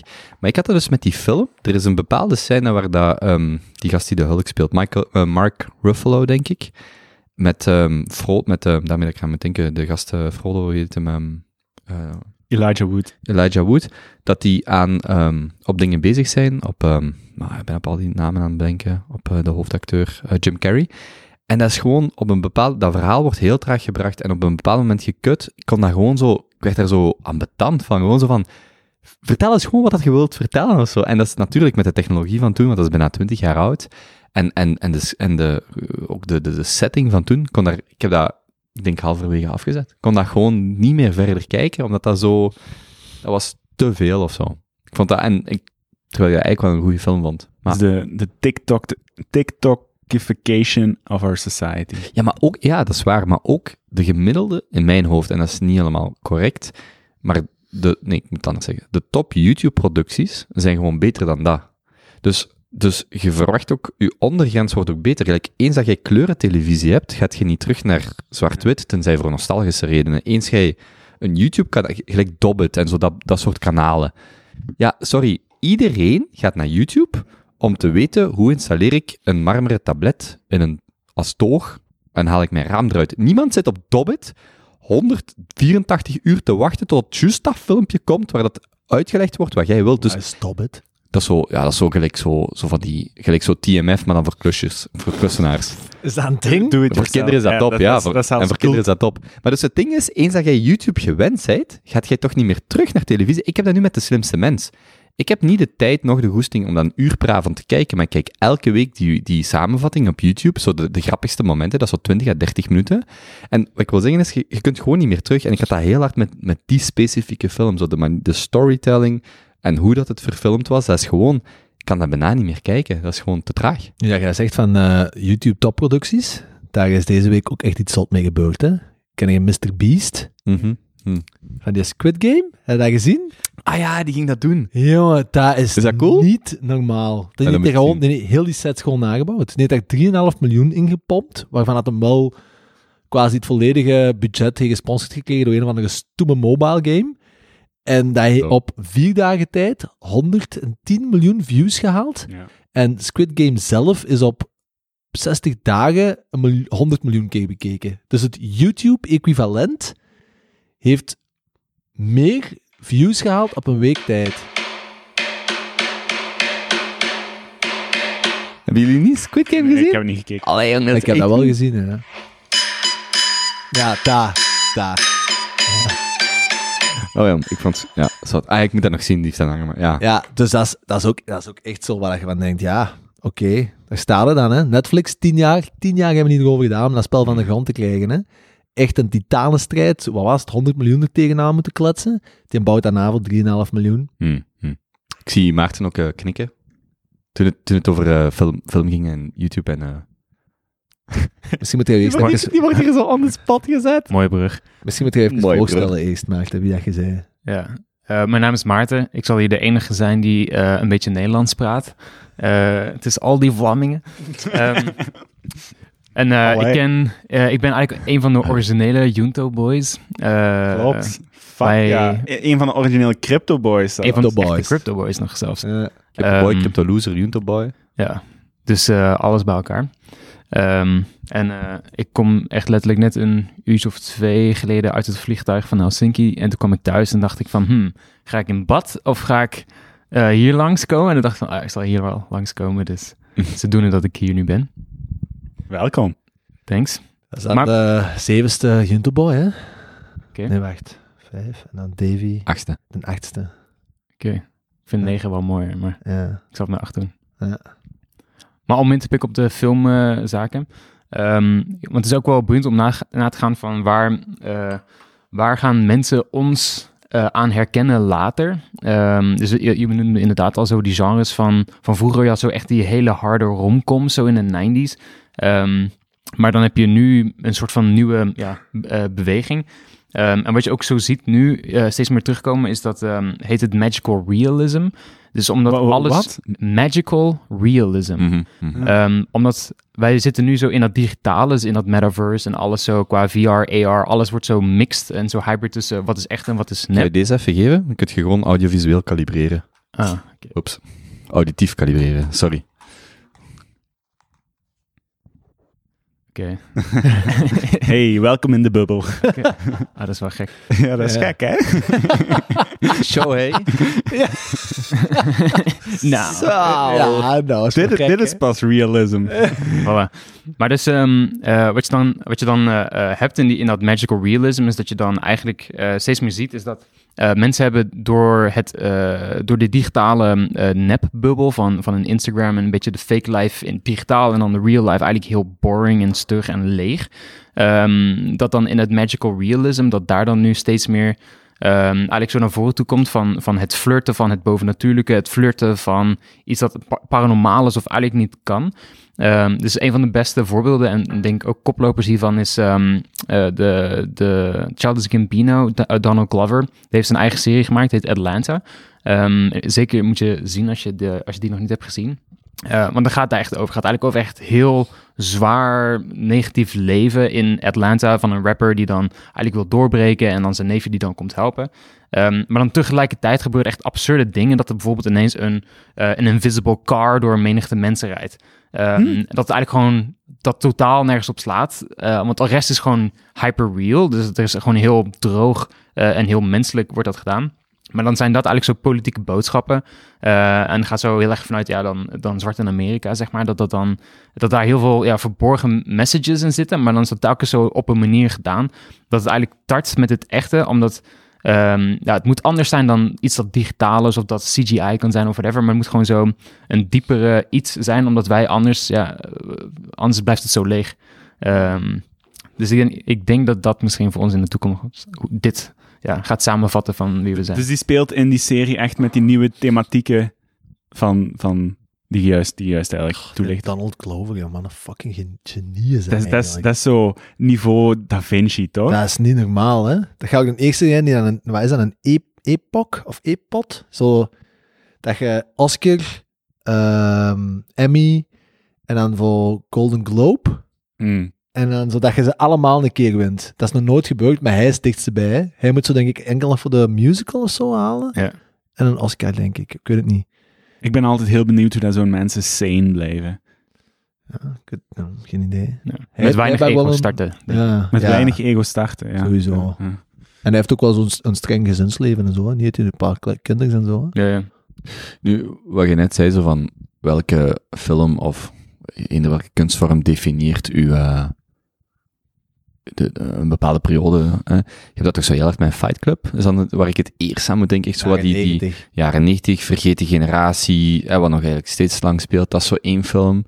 Of zo echt wel iets wat een, een, definitie, ah, echt zo, dat is eigenlijk het beste voorbeeld waar ik aan kan denken. Want ik ben er nu aan, want ik denk dat dat vaak ook pas later duidelijk wordt, van wat, wat, wat is nu eigenlijk hetgene dat ons definieert? Want als je nu vraagt wat definieert zo 2010 tot 2020, ik vind dat heel, heel moeilijk om op te antwoorden. Zelfs al zijn we er eigenlijk al uit. Ja, maar het is eigenlijk, ik denk vooral de, eh, de essentie van kunst, als je het heel slecht samenvat, is het, eh, het zowel vastnemen van de tijdgeest, dus het vertalen van de tijdgeest in kunst, wat dan ook de kunst is, ehm, en tegelijkertijd ook afzetten tegenover wat nu status quo is. Mhm. En eigenlijk daarin vooruitgaan, whatever vooruitgang dan is in de optiek van... Dat is ook exact wat Bo Burnham doet, hè.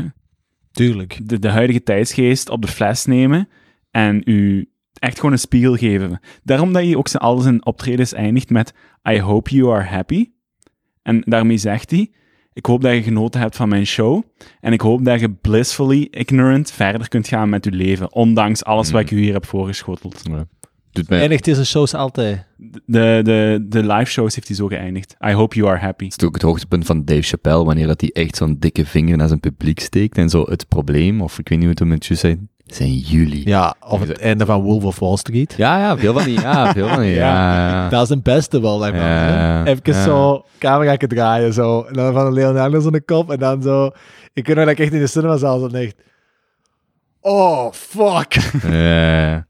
Dat kwam wel binnen bij mij toen. Er is ook een ding, vind ik, ik vind dat, dat is nu niet echt definiërend, maar in ehm The Big Short is er zo'n scène dat ehm, Mark, denk ik, zo die gast die dan, eh, die zijn broer zelfmoord heeft gepleegd, dat hij zo vertelt dat hij zo eindelijk wel aan zijn vrouw opent en dat hij zo zegt, hè, van mijn broer belde mij en die was ziek of die was slecht en het eerste wat ik hem aanbood was geld. En dat hij zo echt zo in elkaar stort en begint te janken. Dat is zo'n scène dat ik zo altijd denk van, voor hoeveel mensen moet dat heel herkenbaar zijn? En, e- maar echt extreem, dat je echt denkt van, oh, ik, vond dat, ik vind dat nog steeds een van de, dat is gewoon, ik is maar een scène in een film, maar dat komt, bij mij kwam dat echt binnen zo van, Ja, inderdaad. Hoe vaak denken wij dat zo geld of eender welke materialistische projectie, zo, dat is de oplossing, zo hier is meer geld.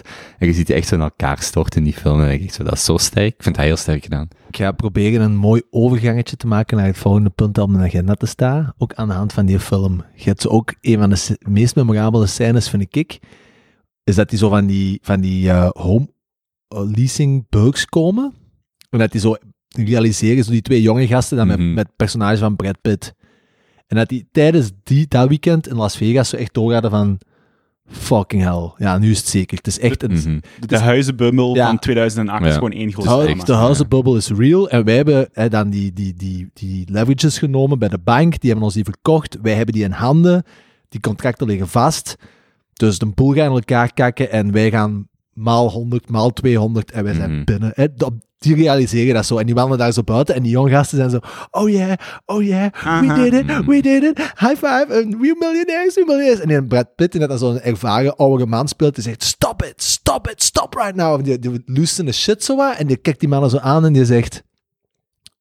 eh mannen, jullie zijn wel aan het feesten voor alle persoonlijk gewin, maar je hebt wel gebewet tegenover de Amerikaanse economie. Hè, en zet er bewust aan dat elke waarvan dat de Amerikaanse economie in elkaar duikt, dat er 50.000 zelfmoorden zijn. Dus stop met juichen. Denk Hmm. na over wat je aan het doen zijn. En dat was zo echt, wow. Ja, de quote op YouTube is Don't fucking dance. Dat Don't de, fucking Don't dance, fucking ja. dance, ja. ja. En dat brengt ons dan misschien perfect bij Maar dat is waar, ja, inflatie. waar, waar we het straks over hadden. Hè. Je kunt zowel jezelf zo beschermen of dingen doen, maar de stap om dan zo daar zo, ik weet niet, plezier in te nemen, die scène, dat is ook wel echt een kippenvel Dat scène. is joh. echt. En die Brad Dat is- Pitt, ja, die speelt dat, ja, die speelt dat zo goed. Maar het, het, het is Ja. gewoon super relevant wat je hier zegt, want het is ook, ook gewoon in onze groep. Hè, wij zien wat er is aan het gebeuren. De meeste van ons zijn zichzelf aan het proberen te beveiligen met Bitcoin. Ja, we hebben er al honderdduizend keer over gehad. En niet alleen Bitcoin, Niet alleen Bitcoin, ook vastgoed en, en, en andere, aandelen, eh, andere zaken die, grondstoffen. die de overheid niet kan bijprinten. Niet gevaccineerd sperma. Maar in onze groep is die discussie ook wel stilletjes aan steeds duisterder en duisterder en serieuzer aan het worden, waarbij dat we naar elkaar zeggen van, don't you fucking dance. Ja, onze bitcoin, wie weet gaat hem naar 200.000, wie weet gaat hem naar een half miljoen. Maar don't you fucking dance, want de man in de straat is, is al zijn waarde kwijt. Niet de gewoon de man in de straat, gewoon de maatschappij gaat er niet... Het, het, de- als, als bitcoin aan een miljoen staat, gelijk als al dikwijls hebben gezegd, het is niet een wereld waarin dat je wilt leven, hè. Allee, dat gaat... Als dat, dat te, gaat als, dat, als dat te snel gaat, zeker niet. Nee, Te ja, snel nee, gaat, zeker. inderdaad. Maar je kunt het ook breder trekken, hè? gewoon de, dat je zo, er zijn heel veel maatschappelijke problemen die door een, ah, ik weet niet of economisch beleid is niet de juiste paraplu-term, M- m- maar het punt is dan, ah, er zijn meerdere punten, hè, maar één is van, oké, het is niet omdat jij het goed doet, of beter doet dan de andere, want je, je vaart gewoon allemaal de afgrond in, sommigen kunnen gewoon zo iets langer zo tegensputteren, maar het gaat erom van, ja, er is misschien niks, je moet daar misschien niet over stoeven of zo. Ja. Dat gezegd zijnde, kun je wel de analyse maken, hoe komt dat je allemaal de, de berg af in gaat en, en, en hoe is dat houdbaar? En dat is wel, maar ja, dat is een heel andere discussie natuurlijk. Eh, ja, de- ik- wat ik zelf denk is dat ehm, eigenlijk heel de, heel de crypto scene is eigenlijk wel echt een... ehm, eh, eigenlijk gewoon, gewoon, een, gewoon een grap in heel veel eh, manieren. Ik denk uiteindelijk... eh, het is allemaal doodkapitaal, het grootste deel. Mensen die, die hebben nu de, de hodl vaak en ehm dat is gewoon doodkapitaal. Zo, daar gebeurt in principe niks mee. Er is geen innovatie, er is geen vooruitgang. Eh, je kan zeggen dat de mensen achter de schermen nog wel iets doen qua optimalisatie van de blockchain en de gas eh, prices omlaag werken en dat soort zaken. Maar in essentie, het is, het is gewoon dood kapitaal, er wordt niks mee gedaan. En dat is zonde, want het zit niet, dat geld zit niet in onze echte economie Mhm. iets te doen. Ehm, en ten tweede ook het, ehm, het hele aspect van, van heel de blockchain en de filosofie van de initiële nerds en de mensen die enthousiast waren, was juist van hey, we gaan naar decentralisatie van de macht, van de power. We gaan zorgen dat we echt effectief iets kunnen veranderen in de wereld. Maar vervolgens zitten we wel met allerlei whales en eh, mannen van 18 die miljardair zijn, die eh, vervolgens geen, geen, geen, geen raad weten wat ze met dat Mhm. kapitaal moeten doen, anders dan weer opsparen en NFT's kopen. Ehm, dat is gewoon, eigenlijk is dat gewoon onzin, omdat we eigenlijk juist nu in een omkeer moeten zitten naar hoe kunnen de wereld effectief verbeteren en de welvaart verdelen. En niet, eigenlijk zouden we nu moeten eh, zorgen dat die prijs omlaag gaat Of dat er inderdaad gewoon eh, veel meer wordt bijgeprint in, in de crypto-werelden. Zodat veel meer mensen toegang kunnen hebben. En ja, dat doet pijn voor de mensen die er als eerste bij waren. Maar wat de fuck heb jij gedaan anders dan er eerst bij zijn? Ja, geen fuck. Hetzelfde als dat je eh, rijke ouders hebt. Ja, dat is gewoon geld dat je krijgt. Ja, super chill voor jou. Ehm, maar daar heeft de rest van de maatschappij niks aan. Ehm, en dat is dus eigenlijk het ding, denk ik, dat moet gaan veranderen. Is dat het zijn eigenlijk gewoon weer dezelfde. eh, ja, als je eenmaal power hebt en geld hebt, dan keer heb je minder dus in een decentralisatie en power to the people en grassroots movements. Ja, tuurlijk. Ik denk dat een groot deel van de thesis daar is gelijk eh, internet 20 jaar geleden. Hè, van oké, je hebt een aantal extreem rijke bedrijven, de FANG en, noem ze maar op. En dan heb je een long tail van gewoon mensen die het beter doen. En als je dan de vraag stelt, is de wereld beter af met internet? Ja of nee? Ik denk dat de meeste mensen ja zeggen. En daar ook, maar dat die, die excessen, dat is absurd. Maar het brengt ook zo, gelijk, wat ik het, hadden het voordat we begonnen op te nemen, want, eh, want anders ga ik denk ik heel snel in een crypto eh, gesprek komen. Maar wat ik zo, wat mij het meest irriteert is, je had dan ehm Holger Zupac, is een, een Duitse journalist voor die veld, die ik graag volg op Twitter, die heel veel grafieken deelt over naam nog ja, Holger is zijn voornaam en Zupac is zijn achternaam. En die veld is zo wat de, ja, dat is de tijd van eh, Duitsland, een van de grotere economische kranten. Die deelt heel veel eh, in het Engels op Twitter. En hij had deze week een grafiek van de, de inflatie van de laatste 20 of 30 jaar. Het feit dat we vandaag op 5,6 6% zitten. En op die grafiek stond dat deel. En dan het andere deel was de ehm, interest op staatsobligaties. En dus ik denk dat zijn tweet was iets van, kijk, het is 30 jaar geleden dat we dit soort inflatie hebben gezien. Maar toen was de rente tenminste 8% of whatever dat het was. Dus je kwam net er nog, tenminste, je, maakte geen verlies.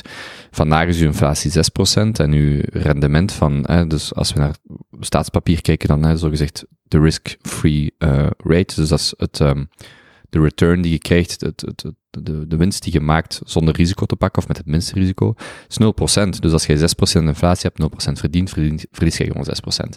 En er zijn gewoon heel veel mensen, onze ouders, grootouders, die vandaag een vaste uitkering krijgen, eh, of dat nu OCMW, pensioensparen is, wat dan ook, die gewoon letterlijk 6% per jaar verliezen. En dat zijn mensen die 20, 30, 40, 50 jaar hebben gewerkt, en die, dat wordt gewoon, dat smelt gewoon weg. En dan is de vraag, ja, wat doe je daarmee? En er zijn, ja, wat doen dan veel mensen die kopen dan vastgoed? Maar ja, dat is ook gewoon een feedback loop, hè. Hoe meer mensen vastgoed kopen, hoe hoger die prijzen gaan. En de vraag is, wordt er dan nog, hoeveel mensen zeggen van, ja, ik heb mijn, ik mijn huis voor een half miljoen gekocht, ik heb dat gisteren voor 6,50 verkocht. Maar als alles zoveel procent duurder wordt, 30 procent, dan heb je nog niks gewonnen of zo. En je begint over, ik vind het heel opmerkelijk dat je het overal begint te zien, dat gewoon alles een pak duurder wordt. En vooral de mensen die zo ergens zo braaf sparen, dingen doen, wat veel Belgen zijn, die zijn gewoon, ja, zijn gewoon geschaard. En, en dat is zoiets, daar is geen, denk ik, geen juist antwoord voor, maar dat is zoiets wat ik ja, heel moeilijk vind, omdat, kijk, als je dat gesprek hebt met je ouders, dan je hebt echt letterlijk 30, 40 jaar gewerkt. En dat is gewoon aan het verliezen aan 6%, als dat al het officieel cijfer is. Ehm, ja. Ja. Heftig. Heftig. Er is geen, eh, er is geen makkelijke oplossing voor, hè?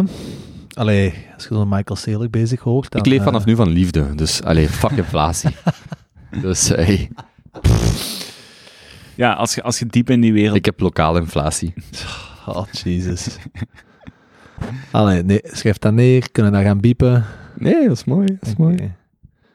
ja, Als je ik weet diep in die wereld Ja, duikt. als je diep in die wereld duikt, hè, dan, dan, dan, dan kan ik wel argumenten tegen, tegen wat, voorleggen tegen wat Maarten zegt. Ik bedoel, ehm, we, bitcoiners geloven in een revolutie. Bitcoiners geloven dat het monetair systeem uiteindelijk op bitcoin zal draaien, dat het goud zal, zal vervangen. En dat dat de onderliggende asset is waarop dat... Maar dat gaat, ja, sorry, Eh, kleine aanvulling. Vandaag is er geen goud niet meer als voor, om te vervangen. Er is vandaag niks niet meer om te vervangen. Ja, het is gewoon lucht. Dus, dus Bitcoin zou eigenlijk gewoon opnieuw een onderliggende asset geven aan het monetaire systeem. Ja, waar dat, dat tot de jaren 70 goud was. Hè. Mensen hadden, of de, centrale banken hadden goud in een kluis liggen en konden in ruil daarvoor eh papier, papiergeld uitkeren. Vandaag is die, die link eh, volledig weg. En we hopen dat we dat met bitcoin terug kunnen vervangen. Hè, dat we een scarce asset hebben die regeringen niet meer kunnen bijprinten.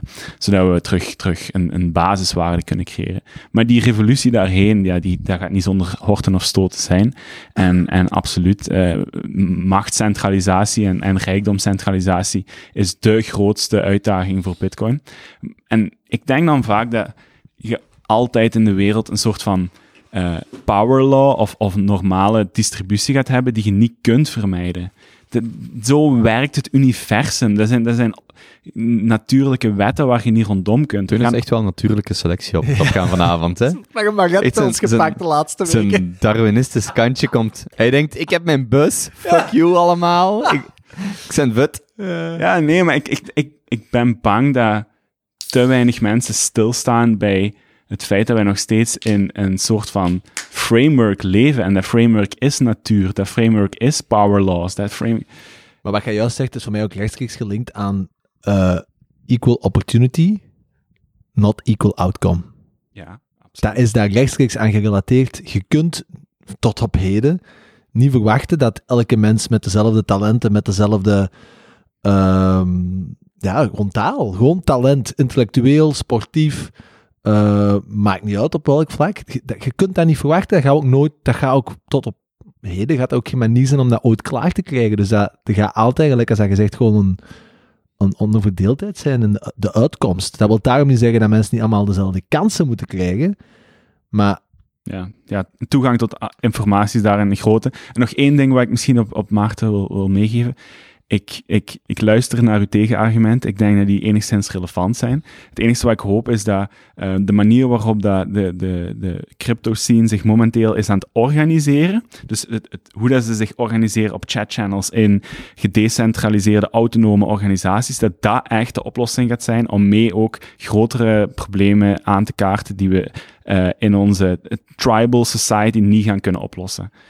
En daar hoop ik dat we op een bepaalde manier climate change kunnen, kunnen gaan oplossen door, door ons met z'n allen te verenigen. Maar even een vraag, wat is nu de kern van wat we aan het bespreken zijn? Er zijn zo precies zo zeven dingen door elkaar aan het zeggen. Ja, omdat, Echt, die, ze- omdat die zeven dingen ook allemaal met elkaar te maken hebben. Hè? Er is inflatie, er is, een, er is no- zogezegd een Oké, oplossing. maar iemand komt morgen bij de bakker en die ziet dat zijn pistolet niet meer 1,10 euro kost, maar 1,40 euro, wat procentueel een stijging van 20, 25 procent is. Gaat die DAO's joinen? Gaat die bitcoin kopen? gaat is- vastgoed? Maar dat, dat is zo... allee, ik weet niet, hè, dat is gewoon... Voor mij is dat een open vraag. Zo, daar zit ik het meest aan te denken. Zo, hoe... Vooral sociale onrust, dat soort, systeem, dat soort dingen. Hoe, hoe- wat, wat, wat doe je daar zelfs aan? Hoe denk je daar zelfs over? En ai, hoe je kunt zeggen, bitcoin is een reddingsboei, vastgoed is een reddingsboei, goud is dat, aandelen zijn dat. Maar daarmee los je nog steeds zomaar voor 20% van de mensen een probleem op. Dat is dan de vraag. Zo. Allee, dat, dat is Ja, gewoon mijn vraag, wat is de kern van... dat is, dat is de meest dat relevante vraag om, om terug te koppelen naar het praktische Ja. leven. Ja, Kijk, mijn grootmoeder die gaat nooit bitcoin of whatever kopen, maar die verliest ook 6% per jaar aan koopkracht. En de- dan is mijn reflectie gewoon, maar wat kan... Allee, wat, zelfs het gesprek dat je daarover moet voeren? Is dat, laten we dat gewoon toe? Moeten we daar iets aan doen? Wat is... Maar is zo niet als je dan... ehm, ik ga proberen een beetje coherent Trouwens, te Maarten, je mocht hè. iedereen, je mocht ehm, dus Teun en mij niet onderbreken, maar Benjamin wel. Oké, dus in dat geval. ehm, Nee, nee, dus maar wat, ik wat denk wel als een je, dat, belangrijke vraag daar, vind, is dat gewoon blijven praten, gewoon blijven praten. als, je dat, als je dat een beetje... Allee, wat dat je juist Wacht, zegt- Maarten, je wou niet zeggen. sorry, sorry, sorry. Kom, ge- geef hem space. Geef hem space. Ja, geef Ehm, hem space. als je, als je dan een beetje die eh, Michael Saylor zijn betoog probeert coherent te vertalen, komt het er toch eigenlijk gewoon op neer dat hoe sneller dat we terug naar een markt gaan waarin dat er het onderliggende financiële systeem geënt is op harde assets, hoe sneller dat het terug collectief goed gaat beginnen gaan. Ja. En dan is toch eigenlijk de kern van het probleem, hoe snel gaat de, is dat dan de Europese Centrale Bank of de Fed of weet ik veel, ja, je dan nog, eh, eh, heel Azië eh, een deel en, en Afrika, dan gaat het toch puur een vraagstuk zijn van hoe sneller dat welke overheid dat gaat omarmen en hoe snel dat die transitie gaat gaan en inderdaad hoe geweldloos enzovoort. En hoe, hoe minder dat er gaat tegen gebokst worden eigenlijk vanuit die overheid om die, die macht van het oneindige geldprinten los te laten en terug ja, het- het- de fiat te gaan omzetten naar een, een onderliggende harde asset, Mhm. waarbij de hard bedoeld wordt als beperkt in hoeveelheid, hoe sneller dat we terug collectief gaan kunnen floreren. Ja, maar je hebt altijd winnaars en verliezers. Dat is het punt. Dat is het probleem. Ja, de politiek. Iedereen, ja, kijk, ja, uiteraard. iedereen weet die bitcoin gaat naar een miljoen of 2 miljoen of 3 miljoen. Maar het punt is Hey, zelfs... hey, hey. zelfs als Not je- investment advice, hè? No, nee, nee. eh, maar het punt is gewoon, zelfs al geraak je op dat punt, dan nog heb je een wereld van 30% winnaars, die eerste naties, gelijk El Salvador, die dat hebben. En gewoon nog fucking, nog steeds miljarden mensen die dat gewoon niet hebben. Dat argument kun je van alles maken. Hè? Elke technologie, of dat gsm's, eh, internet zijn, er zijn landen of groepen die daar gewoon eerder toegang aan hebben. De VS doet het de laatste 20 jaar gigantisch goed, omdat alle grote bedrijven daar zitten. Die zitten niet in Nigeria. En je kunt daar, je kunt daar lastig op zijn, maar dat is gewoon de realiteit. Maar de vraag is gewoon, oké, goed, je zit daar, je ziet die toekomst, je, je, je investeert daarin, welke dat, dat ook is. Maar je hebt nog steeds een heleboel mensen die gewoon achter zitten. Zo, vandaag in Turkije, gisteren, eh, vorige week is de lira op één dag met 16% gezakt. Ik was met een Turk aan het praten die zijn familie in Turkije woont. Die verliezen dus letterlijk op één dag 16% van hun koopkracht. Dus jij bent daar een 50, 60, 70, 80-jarige Turk die heel zijn leven daar heeft gewerkt. Voor ons is dat ideaal, hè? Nu is het moment om vastgoed in Turkije te kopen. Maar die mensen daar, en en dat is zo... Dan vraag ik me af, ja, oké, wat dat vandaag hier is, dat is toch, dat is gewoon deplorabel. En Deplorabel. eh, ja, gewoon jammer. Deplorable. Eh, Ja. Ja, ik, eh, om eigenlijk terug te gaan naar, naar jouw e- eerste vraag, eh, Kobe. Dus, de, dus wa- waarom, ehm, waarom is dan die, die inflatie zo belangrijk?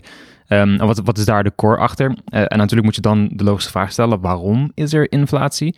Ehm, en ik bedoel, dat kun je heel diep economisch gaan, maar uiteindelijk komt het er gewoon op neer, en dat zoals Benjamin al aangaf, over de, de assets. Van, ehm, eh, we zijn in een tijdperk gekomen waardoor er, waar heel veel wordt gespeculeerd. Dus er wordt heel veel met geld en kans op geld en fictief geld en bla bla bla gedaan. Eh, waar er heel veel welvaart ook mee is weer uit voortgekomen. Maar inderdaad geen assets. Dus dat, dat zweeft ergens in de lucht. En dat is eigenlijk niet echt. Ehm, maar als we dan eh één stap dieper durven gaan, eh, dan moet je eigenlijk ook goed nagaan van, van wat is nu eigenlijk dan ehm, de reden dat we die, die harde search hebben voor geld en voor die welvaart. Ehm, en dan kom je eigenlijk weer terug op een soort van filosofisch existentieel vraagstuk. Eh, want dat is het ding van, eh, als je bijvoorbeeld kijkt naar Azië, daar heb je een heel veel zwaarder collectief gevoel. Dus mensen zijn van wij als volk of wij als familie en wij als whatever. Ehm, en ik ben daar als een, als een individu een onderdeel van. Terwijl wij zijn, zeker in Amerika in een extreem geval, extreem individualistisch ehm, en veel minder collectivistisch. Ehm, en dus eh, hetgeen van, van waar we dan nu in een, in een eh, seculiere eh, maatschappij zitten. Dus we geloven niet meer in een god, we geloven niet meer in een hiernamaals. Dus we moeten iets doen met ons leven hier. En dat wordt dan op cocaïne gezet door Instagram. En alles moet nu gekocht worden, lenen. En, en natuurlijk, dat is een, dat is een snowball effect tot en met in leegte vullen. Ehm, dus we hebben het over inflatie, wat ook leegte is in de zin van inderdaad geld bijprinten. Maar we hebben het ook over existentieel eh, eh, eh, reden bijprinten. Want we weten niet wa- wat we aan het doen zijn. En de enige reden waarom we eigenlijk er zijn, is om een soort van, we willen bij elkaar horen. En dat moeten we dan doen door dingen te kopen. En om dat te kunnen doen, moeten we weer banen hebben. En om dat te kunnen doen, moeten we weer een opleiding hebben. Enzovoort enzoverder, zeg maar. Dus heel onze maatschappij zit hem zo gestoeld op. ehm, hoe kunnen we eigenlijk gewoon zoveel mogelijk producten kopen, maken, produceren en zorgen dat we erbij horen. Iemand aan deze tafel noemde zijn datingleven het gat in zijn ziel vullen. Geen idee wie dat was. Was dat de quote? Was dat de quote? Ik weet het niet meer. Ik heb dat nooit gehoord. Nooit gehoord. Nee. Oké. Al sinds dus, de, dus de, wat ik wil zeggen is van, ik heb dan bijvoorbeeld nu een jaar in, in, eh, in Hanoi in eh, Vietnam gewoond. En die zitten dus nu in die curve naar development toe. Ehm, ze zijn nog niet volledig ontwikkeld, maar wel al ver in die ontwikkeling. En het is gewoon, die doen gewoon ons na een paar jaar terug. Gewoon van, eh, iedereen moet nu een, de dikste bak hebben. Dat heeft daar totaal geen zin, want al die straten die zijn voor brommers en fietsen gemaakt. Eh, dus het verkeer gaat daar echt kaart omlaag. Eh, er worden daar flats gebouwd, dat, of van die hoogbouwen, gewoon bij de vleten. Want mensen, de- het nieuwe rijke mensen, je hebt daar een land van 100 miljoen mensen. Dus als je daar iets een beetje goed doet, dan ben je gelijk miljonair, miljardair. Ehm, dus je ziet gewoon dat daar gewoon exact hetzelfde gebeurt. En ik denk dat het enige land, om dan weer terug te komen bij waar we naartoe gingen net, van waar gaan we dan naartoe?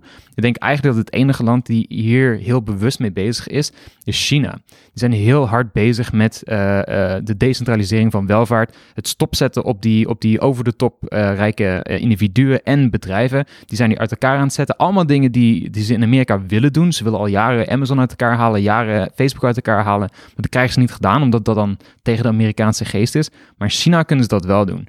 Ehm, dus die zijn bijvoorbeeld vastgoed zijn ze aan het opkopen van eh, vastgoedbedrijven. Die zijn het terug betaalbaar aan het maken voor mensen in de stad. Allemaal dat soort zaken. Ik, ben geen fan van China, even om duidelijk te maken. Maar ik zeg maar, eh, zij hebben het al wel door. En zij kunnen door hun autoritair regime eh, door, ook weer door, doorheen fietsen. Terwijl wij kunnen dat niet doen, want we hebben allemaal onze individuele rechten hier. Het is ook het enigste land dat doorheeft dat jongeren geen vijf uur, zes uur per dag moeten gamen. Het is ook het enigste land dat automatisch slo- sloten legt of, of, of toegang eh, verbiedt op smartphones voor jongeren onder de 12 jaar.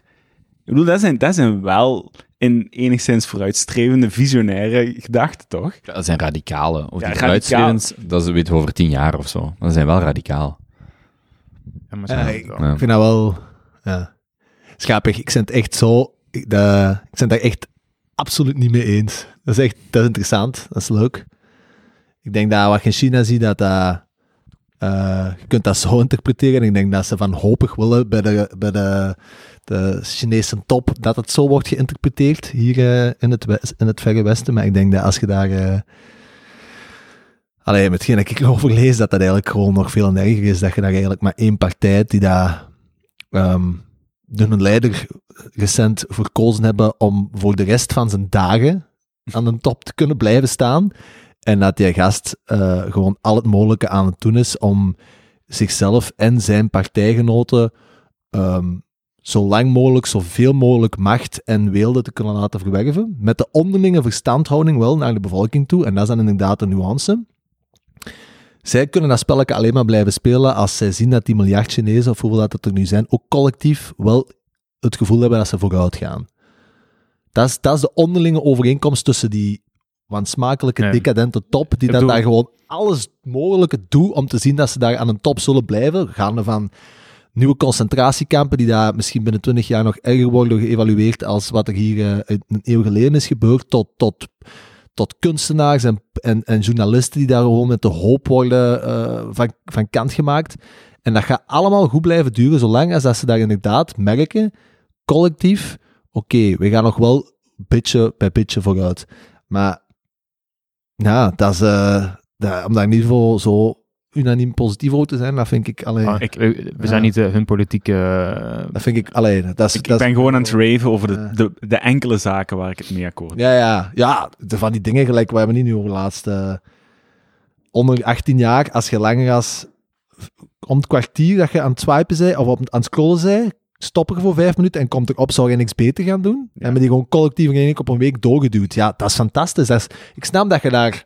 Oh my god, dat is heerlijk en zo Dat is waar wij het over hebben. bilateraal erdoor. Maar de, allee, dat kan ook wel alleen als je in een heel gecentraliseerd, heel machtig structuur zit. Hè? En dat denk ik wel, daar denk ik wel niet heel... Eh, Het was, het, was, Positief het was inderdaad niet over de, dat we de, het gehele systeem moeten overnemen, maar het is ehm, inderdaad interessant om te zien hoe zij wel Hmm. dit doorhebben en zien van inderdaad, zoals je al zei, van we moeten die, die welvaartsverdeling moeten we aanpakken. Eh, want anders krijg je gewoon een, een, een renaissance 2.0 of een, eh, of een, een verlichting en allemaal dat soort zaken. Ehm, dus het is en zeker niet het, het, het, het wereldvoorbeeld, maar het is wel eh, om maar te zeggen van, eh, om maar te zien van zelfs zij in wat wij denken juist dat achterwaarts is, zien de noodzaak om eh, niet vrijheid voor iedereen te laten zijn, want eh we kunnen niet naar gelijke uitkomsten. Om, om misschien mis- nog in ieder geval samen te vatten. Ik heb eh, onlangs de podcast van Tristan Harris van ehm The Social Dilemma geluisterd. gelukkig van, hè? Dus Tristan Harris en Michael Schmachtenberger bij Joe Rogan, fantastische podcast. En daar komt één heel mooie quote uit die, die het eigenlijk goed samenvat. We hebben prehistorische breinen, we hebben middeleeuwse instituties en we hebben godlike technology. En dat is, dat is, ons, dat is onze challenge vandaag. Aflevering 1736. Het is, Zal ik echt, het in de show notes zetten. het is echt waard om naar te luisteren. Ehm, ja, Even, ik ben ook gewoon te verliefd om nog echt lang over crypto-inflatie China te babbelen. Dus kunnen wij zo nog zo op een romantische noot. Ja, we hebben nog een kwartier. Ehm, we kunnen nog hebben, hebben wij nog een onderwerp opstaan? love languages. Oeh, lo. Hier wordt er eentje blij. Maar Maarten, ik ben eh, verliefd. Ik heb vlinders in mijn buik. Eh, ook andere Heb jij dingen. dat eigenlijk al uitgesproken tegenover die dame in kwestie, voordat hij deze luistert en uw eigen, allee, u vijf keer hoort verklaren Ik dat heb, je verliefd bent? ik heb niet gezegd dat ik verliefd ben. Ik heb gezegd ik heb vlinders in mijn buik. En dat heb ik al verklaard. Oké. En wat was jouw profiel?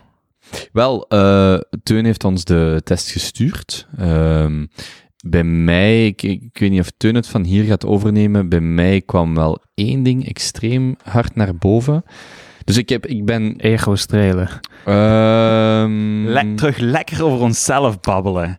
Ik zeg, eh, de liefde van de man gaat door de maag, wink. Ehm, maar ehm, maar eh, bij mij kwam één ding heel hard naar boven en dat is eh, quality time. Dat is, dat is, maar ik, ik had het test vroeger al eens gedaan, dus eh, Oh. 37% quality time. Ja. Dus ehm, sowieso de hoogste score van, eh, van iedere YouTube ja, bij mij doet je het meeste ehm, plezier met gewoon tijd samen te spenderen. En dat bleek ook zo bij eh, eh, onze afwezige Het is Jonas. ook echt zo goed en- dat jij die, die maten gevonden hebt. Zwat. Ja, ja, we zijn hier naar de foto van, van Kobus en vriendin aan het kijken. Die, die, ja, die hebben we even teruggevonden. Jij hebt echt gewoon... internet. ik, ik kwam erachter hoe dat ze noemde en ik heb even... Ik ben even in de interwebs gedoken. Er staat heel veel online. Ja, dat is de Junta Boys weten naar schoenmaat. En heupmaat. Ehm Oké, Ja, je doet het er weer zelf ook aan, hè. Allee, kan... Benjamin. Geef, geef, Benjamin? Benjamin. Benjamin! Ja. Jij verschrok wel een beetje van de resultaten, niet? Je, had die, Ja, ik eh, heb die boek twee jaar geleden gelezen. Eh, en toen had ik... Moeten we, by the way, love languages heel kort toelichten? Ja. Misschien heel kort. Go. Ja. Ehm, dus het is gebleken dat in menige relaties eh, ehm, het naar voren komt dat partners een verschillende love language spreken. Dus de manier waarop jij eh, aan appreciatie doet of toont dat je van iemand houdt, ehm, wordt door iedereen anders ingevuld. En ehm, en, en hoe je het wilt ontvangen, inderdaad. Ehm, dus het is heel interessant als je erachter komt wat nu effectief uw love languages zijn. Eh, ik weet niet of het echt zo is, maar ze zijn ehm, voor de gemakkelijkheid eh teruggeschroefd naar vijf verschillende soorten. Quality time, ongebreideld aandacht geven aan elkaar en echt in het moment zijn, is er één van. Words of affirmation, dus ehm, bevestigen dat je iemand graag ziet en, en dat uit, ook uitspreken, is eh, de tweede. Nee, words of affirmation is niet noodzakelijk zeggen dat je iemand graag ziet, maar ook gewoon, je doet dat goed of je zet daar Complimenten. complimenten. Complimenten, uitgesproken, le- letterlijk, letterlijk zeggen. Physical touch, eh, daar hoef ik geen eh, kanttekening bij te maken, is eh, ook een, een manier om te tonen dat je iemand graag ziet. En dan acts of service, iets doen, taken doen, ja, gewoon iets ondernemen, actie ondernemen voor de persoon. En dan de laatste, receiving gifts, dus, dus presentjes. Misschien nog een kleine aanvulling ook. Wat ook wel heel cool was, vond ik, als ik die boek las, is dat die, eh, dat is geschreven door een ehm, antropoloog. En hij is zo echt tien jaar de wereld rondgereisd, keihard verschillende culturen bestudeerd. En die vijf, taal, die vijf grote licha, allee, liefdestalen kwamen, kwamen eigenlijk altijd terug. En hij gaf ook zo'n goed voorbeeld. Dat was voor mij echt zo een echt doodgong. Die is een therapie gestart. Dat hem ook zo dikwijls mensen, koppels zag komen die dat 20, 30 jaar getrouwd waren. Gewoon in zak en as zaten. Echt op het randje van zelfs na 20 jaar gewoon smijten de handdoek in de ring. En dat hij gewoon na een paar heel duidelijke communicatie van hey, hallo, jij moet niet die een knuffel geven. Jij moet gewoon die een keer helpen met de was te doen. En uw leven verandert. Dat soort van dingen. Gewoon dat op elkaar afleiden. Dat gewoon relaties echt kunnen ja, helemaal omdraaien en kunnen gaan floreren. Dus was COVID en al die lockdowns een moeilijke periode voor jou en je partner? Zet je dan eens samen in de zetel, neem de quiz af en begin opnieuw. En lees de boek ook wel, Ja. denk ik. Dus we zaten bij Benjamin en zijn resultaten. En Benjamin was enigszins verbaasd. Wat, Benny. da- wat dacht jij dat uw liefdestaal was? Ja, toen als ik die las eh, en ehm, dat zo wat besprak, dacht ik dat physical touch hoger stond. Ik dacht altijd dat dat één was. Maar als ik die test heb gedaan, stond dat tijdless. Wel vrij dicht bij words of affirmation en quality time als eerste. Ja. Dus quality time 30%, words of affirmation 27 en physical touch 23. Ja, bon, Mooi. dat is dat. Ik heb hem afgelopen weekend een keer af, eh, ehm, gedaan, de quiz. En toen kwam ik op eh, Words of Affirmation. En ik denk dat ik eh, de maandag, maandag hem opnieuw heb gedaan. En eh, toen kwam ik op Physical Touch. Ja, ik weet eigenlijk niet, die quiz, ik vond dat ook wel zo... Je hebt dat goed gedaan toen. Oh, dank, da- dank u, Kobe. Cobra Tuns en aangemaan. En ik geef hem words of affirmation. Wauw, 2 in 1. De ham sandwich. Mooi. Maarten, heb jij een idee wat uw love language is? Ja, ja. Eh, die voor mij is de, de physical touch altijd, heel duidelijk. Eh, en voor het geven, eh, of laten tonen dat ik iemand eh, graag heb, dan is het eh, de acts of service. Huh. Zo even koffie zetten voor die persoon. Of even, Even langskomen, hallo Ja. zeggen. Ja, appeltjes dat, dat, is weer quality keuken. time. Daar herinner ik Ehm, me zelfs. Is dat niet, is dat niet acts of service? Allee, ik, ik, ik weet wel dat dat er niet helemaal onder valt. Ja, ik, weet- ja, ja. Ja, het zijn meer zo de, Ja. de kleine onnozele dingen die dan zo, eh, die je gewoon graag voor iemand doet. Ook al hebben die dat niet eens door, Mhm. maar gewoon om gewoon, ja. Bed opdekken of zo. Zo dat soort dingen. De wat? Bed opdekken? Ma Ah, Maarten is de guy die op het werk, als je de avond ervoor zit, gaan pinten drinken, de volgende dag eh, een glaasje met vitamine C-tabletje langs je Mhm. computer zet. Mhm, mhm. Dat doet hem. En voilà. Ehm, dus, eh, maar, voor, eh, maar op zich, de, en mijn laagste is de, ehm, de, de words of affirmation en ook eh, eh, gifts. Maar daar hebben volgens mij vooral mannen vaak. Dat ja, bij mij, ik verschoot daarvan. Bij mij was dat 7%, terwijl ik zelf iemand ben die heel veel eh, kaartjes schrijft Ja, en dingen ja, geeft. ja. Ik doe dat heel graag. Maar bij mij scoorde dat zo laag. En, en, ehm, Maar dat is geen cadeau, hè? Dat, dat is denk ik eerder zo'n act of service. Of, ehm, Ah, want ik had bijvoorbeeld... Stel dat iemand was blijven slapen de laatste week. Ik had dan zo'n t-shirt klaargelegd en daar zo'n boodschapje bij geschreven van... Hè, dit, ehm, Stel dat iemand is blijven slapen. ja, dit, dit is uw t-shirt vanaf nu. En in mijn hoofd is dat dan... Ja, maar wacht, dat is... Ja, ik weet dan niet goed onder wat dat, dat valt, maar dat is dan niet echt een gift of zo. Ehm, Dat is een act of service, denk ik. dat, is Ja. dat is een act of service. Gifts zijn echt cadeautjes. ja, sommigen kunnen daar echt heel hard op gaan. Ja, ja, ja. Cadeautjes. Echt cadeautjes. Ja. En om- Ja. geven en ontvangen. Dat is maf. Als je dat ene keer door hebt en je had langere tijd hè, een miscommunicatieprobleem, zoals Benjamin zo. aanhaalde, en je kunt dan plots die zijn love language spreken, je hele relatie verandert plotsklaps. Ja. Maar dus, omdat jij zei, mannen hebben dan die, ehm, wat was dat, Ehm, die gifts, scoren daar eerder lager op. En wat bij, mij bij ons opviel, is dat wij bijna allemaal physical touch en quality time, want Jonas scoorde ook hoog op quality time, geloof ik, Jozef physical touch, en jij zat er dan tussenin, dat mannen daar precies, allee, of dat wij vijf daar alle vijf, dat viel mij ook vooral op, zo van, was er was zo'n rode lijn. Eh, Ik denk dat dat ook wel gewoon... Ik, ik denk niet dat ze alle vier evenredig verdeeld zijn in de bevolking. Ik denk dat dat ook ja, wel normaal is dat dat bovenproportioneel voorkomt, bijvoorbeeld. ja. Maar gifts is dan in principe bij mannen niet, dus bij mannen doet je niet het grootste plezier met een Bus Rituals shampoo te kopen. Ik weet het niet. Misschien voor sommige mannen wel, hè. Misschien vind ik dat zalig om een cadeau te krijgen. Kunnen we die stigmatiseren? Waar is Jonas? ah nee, die is er niet.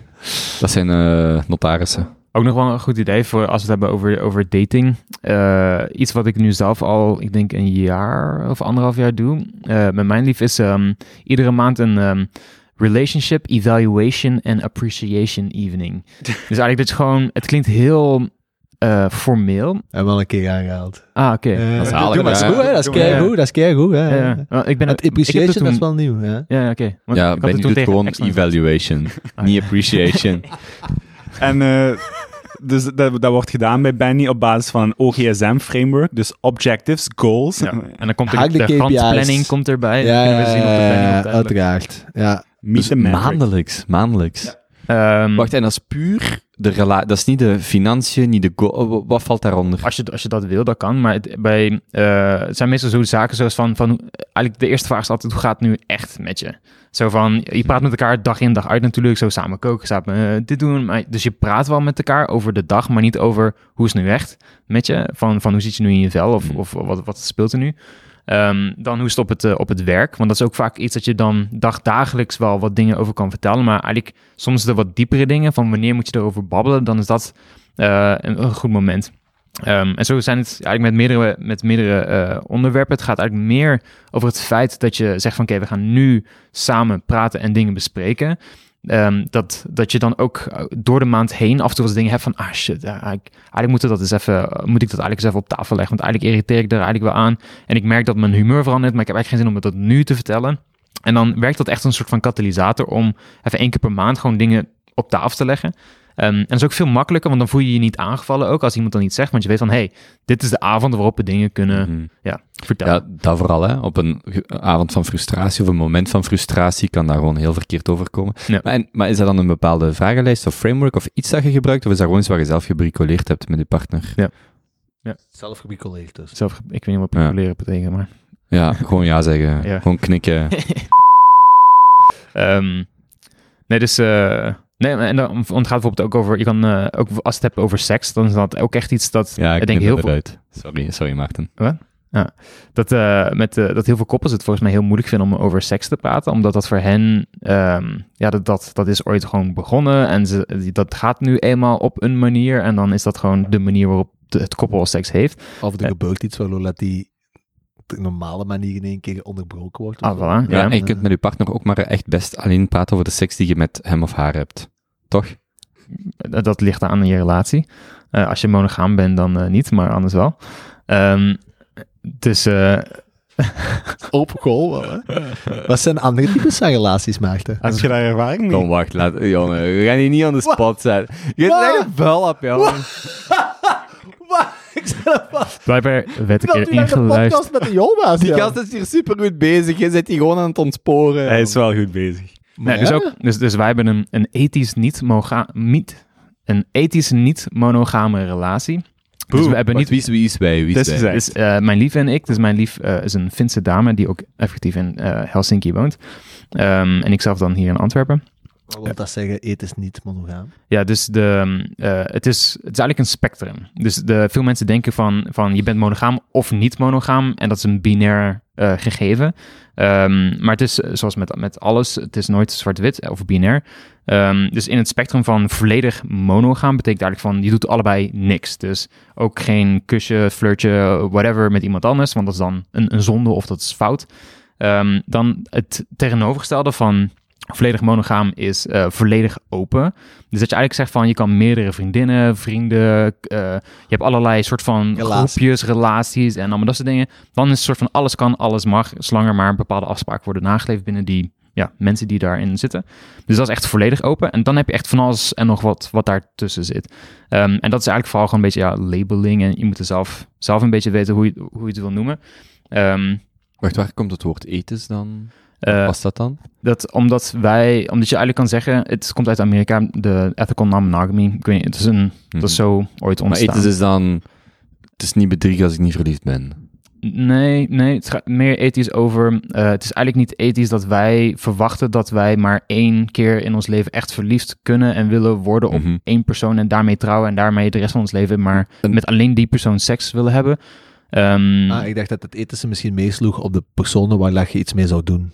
Er geen mensen die daar in een relatie Nee. zitten die daar niet mono- die wel monogaam zijn bijvoorbeeld, of niks met vrienden, of allee. Wacht, dan was het de, de, de rijkwijde van die blanco check die ethisch is? In jullie situatie? Ehm, dus, etho, dus in ons geval ethisch. Dus ehm, wij, wij zeggen bijvoorbeeld, we doen, eh, je mag niet zomaar eh, aanpappen met je vrienden eh, of met de andermans vrienden, want dan, ja, er zitten vaak diepere lagen in en dat maakt het gewoon complex en moeilijk. Dus dat is iets. We mogen niet daten met mensen die niet weten en of begrijpen en of eens zijn met het feit dat wij in een niet monogame relatie zitten. Dus jij mocht je niet als single voordoen op een feestje morgen? Nee. Allee, of, of iemand in het ongewisse laten. Dat, die, dat jij single zou zijn? Nee, voilà. Ja. Ehm, eh, nee. En ook niet als wij dan iemand zouden beginnen te daten en die persoon heeft eigenlijk, we voelen eigenlijk al aan van, ja, die is eigenlijk gewoon echt verliefd en die wil eigenlijk gewoon een monogame relatie hebben met de ander. Eh, dat je dan eigenlijk ook een soort van de high road moet pakken en zeggen van, nou, kijk, ik vind je kei tof, maar ik heb, ik heb het idee dat je te hard verliefd bent op mij. En Mm. dus dat is bijvoorbeeld hetgeen dat, wat bij ons verschilt van andere relaties. Dus wij, wij houden elkaar als primaire relatie. Dus wij, dus emotioneel eh, ehm, eh, houden wij elkaar wel een soort van als de ja, vaste partner eigenlijk. En we, we kunnen dan gerust andere mensen zien daaromheen. En dat klinkt heel cru zo om die secundair te noemen. Ehm, maar in de zin van, ik wil, of mijn intentie is om eh, zo lang mogelijk bij mijn lief te blijven en ermee samen te wonen. En echt een soort van, eh, bij wijze van op, straks eh, gaan we katten adopteren, dat soort shit, zeg maar. Van, dat doen wij samen, dat is de primaire relatie.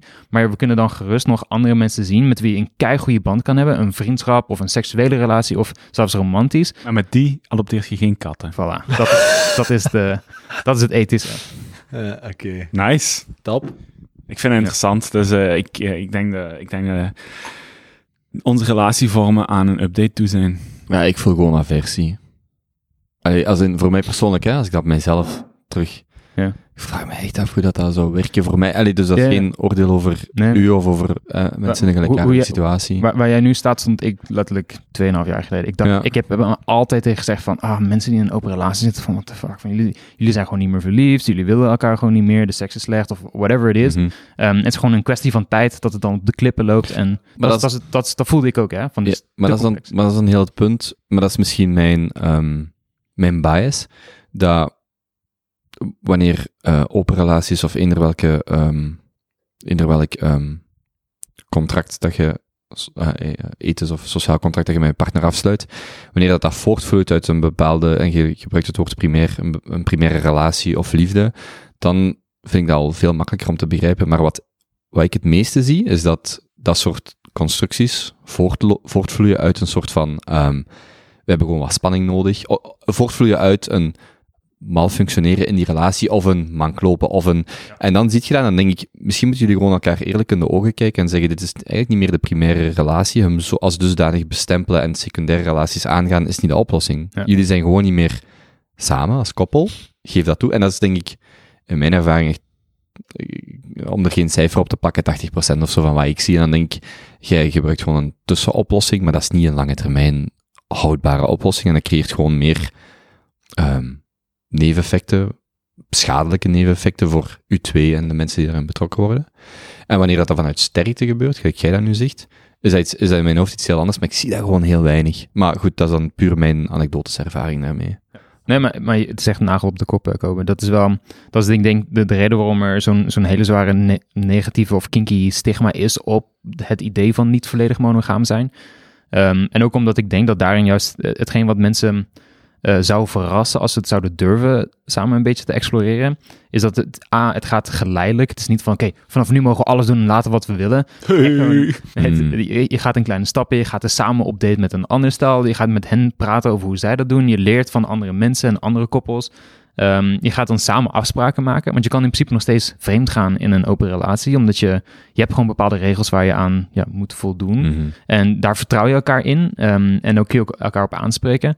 Ehm, en dat maakt het, dat is eigenlijk ook het, het vind ik het, het bevrijdende eigenlijk aan het hele aspect, is dat ik was vroeger meer jaloers dan ik zou willen toegeven. Ehm, en ik ben het echt kwijt. Terwijl nu eigenlijk de kans echt is dat zij effectief met een ander zou flirten en eh, bezig zou zijn, fysiek of emotioneel of whatever. Maar omdat ik weet dat zij daarmee eh, met mij gaat communiceren, dan is die angst eh, ineens verdwenen. Want dan is het in één keer Eh, hoef ik niet meer te denken van, ah, met wie is ze nu aan het sms'en en wat is er nu aan het gebeuren. Ik weet gewoon, als er iets is, vertelt ze mij het gewoon. En dat, dat is echt Hmm. een bevrijding voor mij en echt een opluchting geweest voor mij als man, om niet die inheemse jaloezie te voelen, die denk ik iedere man tot op zekere hoogte wel ergens altijd heeft zitten.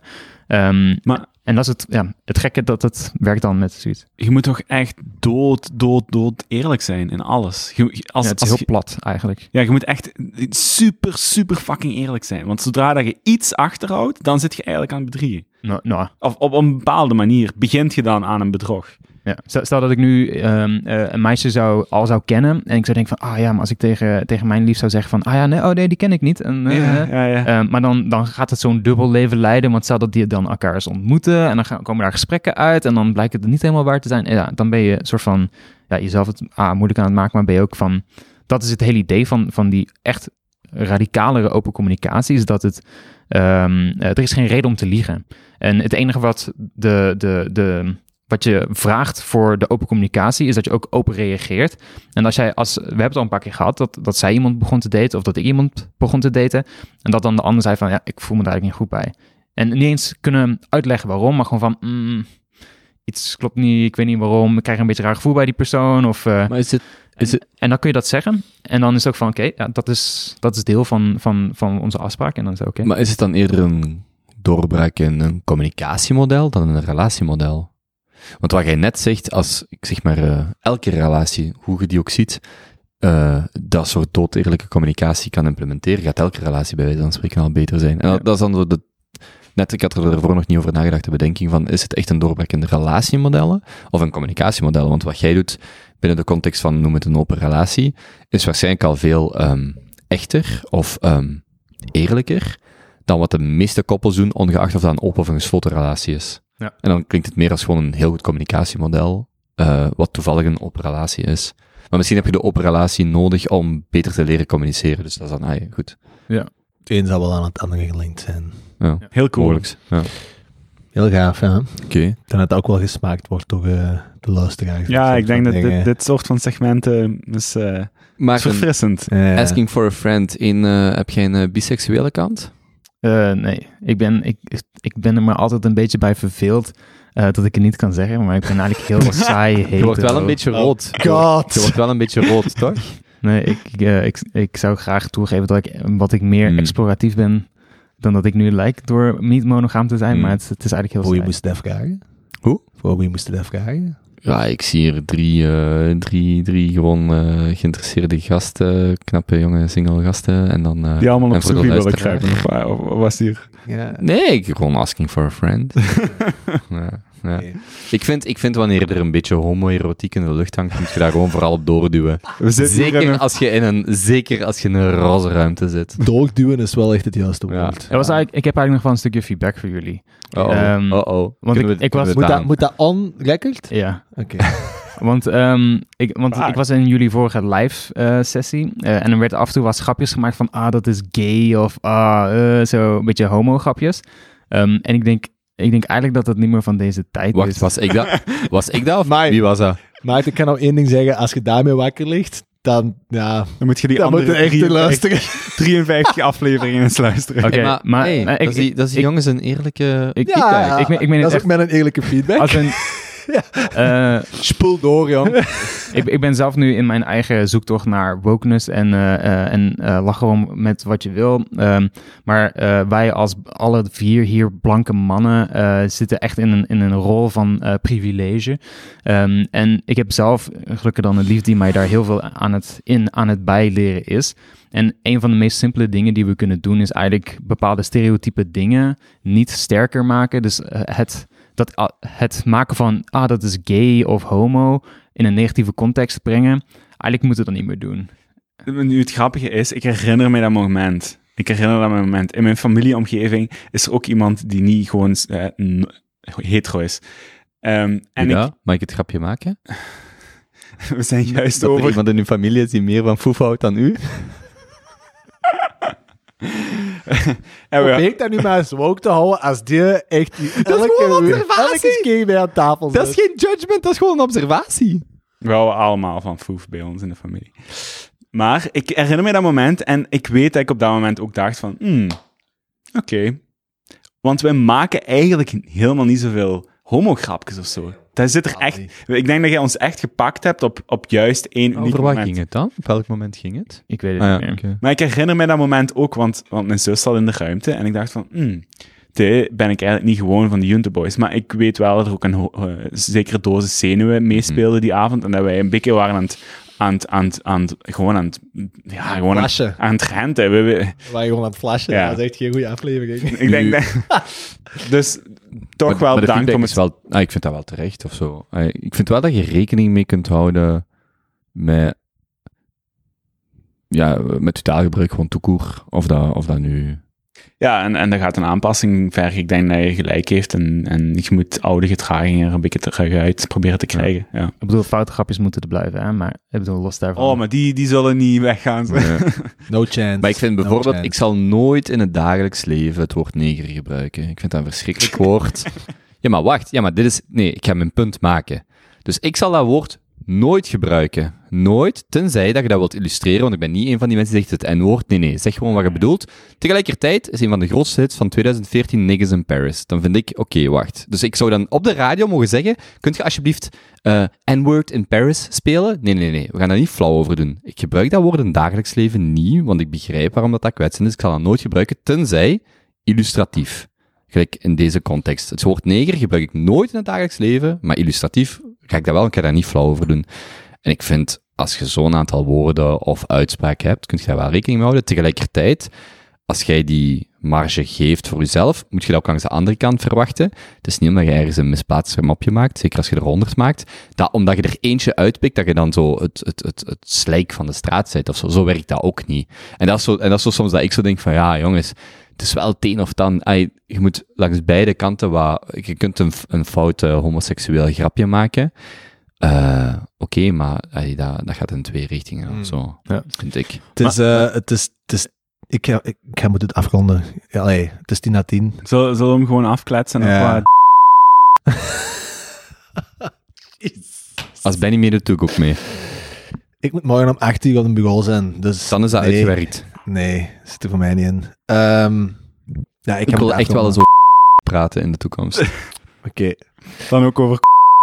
Nee, oh, oh nee, jong. Oké, we, zullen er eens een- we parkeren dat voor de toekomst. Oké, boys. Dus we zijn vandaag van de Kobus een eh, nieuwe hoogtepuntjes naar de diepte, diepe krochten van inflatie gegaan. En we zijn mooi gestagneerd en gestabiliseerd op woke culture en ethische, niet-monogame relaties. Dus is weer een heel rit geweest, hè? Wauw, dank u luisteraar. Ik, eh, ik vond het een toplocatie. Ehm We hadden zelfs een drive-by. Ja. Er was een auto die zo drie keer voorbij is komen rijden, zo heel langzaam om te kijken wat we aan het doen waren. mhm. Zalig. Bon, Maarten, ik vind jij als nieuwe Juntoboy, jij mocht eh, het, laatste, het laatste woord. Dus eh, meestal is dat ook één woord. Ehm, Maar, ook mag een verklaring, feedback, verklaring, een Ja. woord. kort maar krachtig. Zolang het maar auditief is. Audiologisch. Audiologisch. Ja, nu wel. Focaccia. Focaccia. Oké, dat is een nieuwe. Dat is nieuw. Mooi. Ciao, ciao. Bye bye. Ik moet een beat geven. Give me one.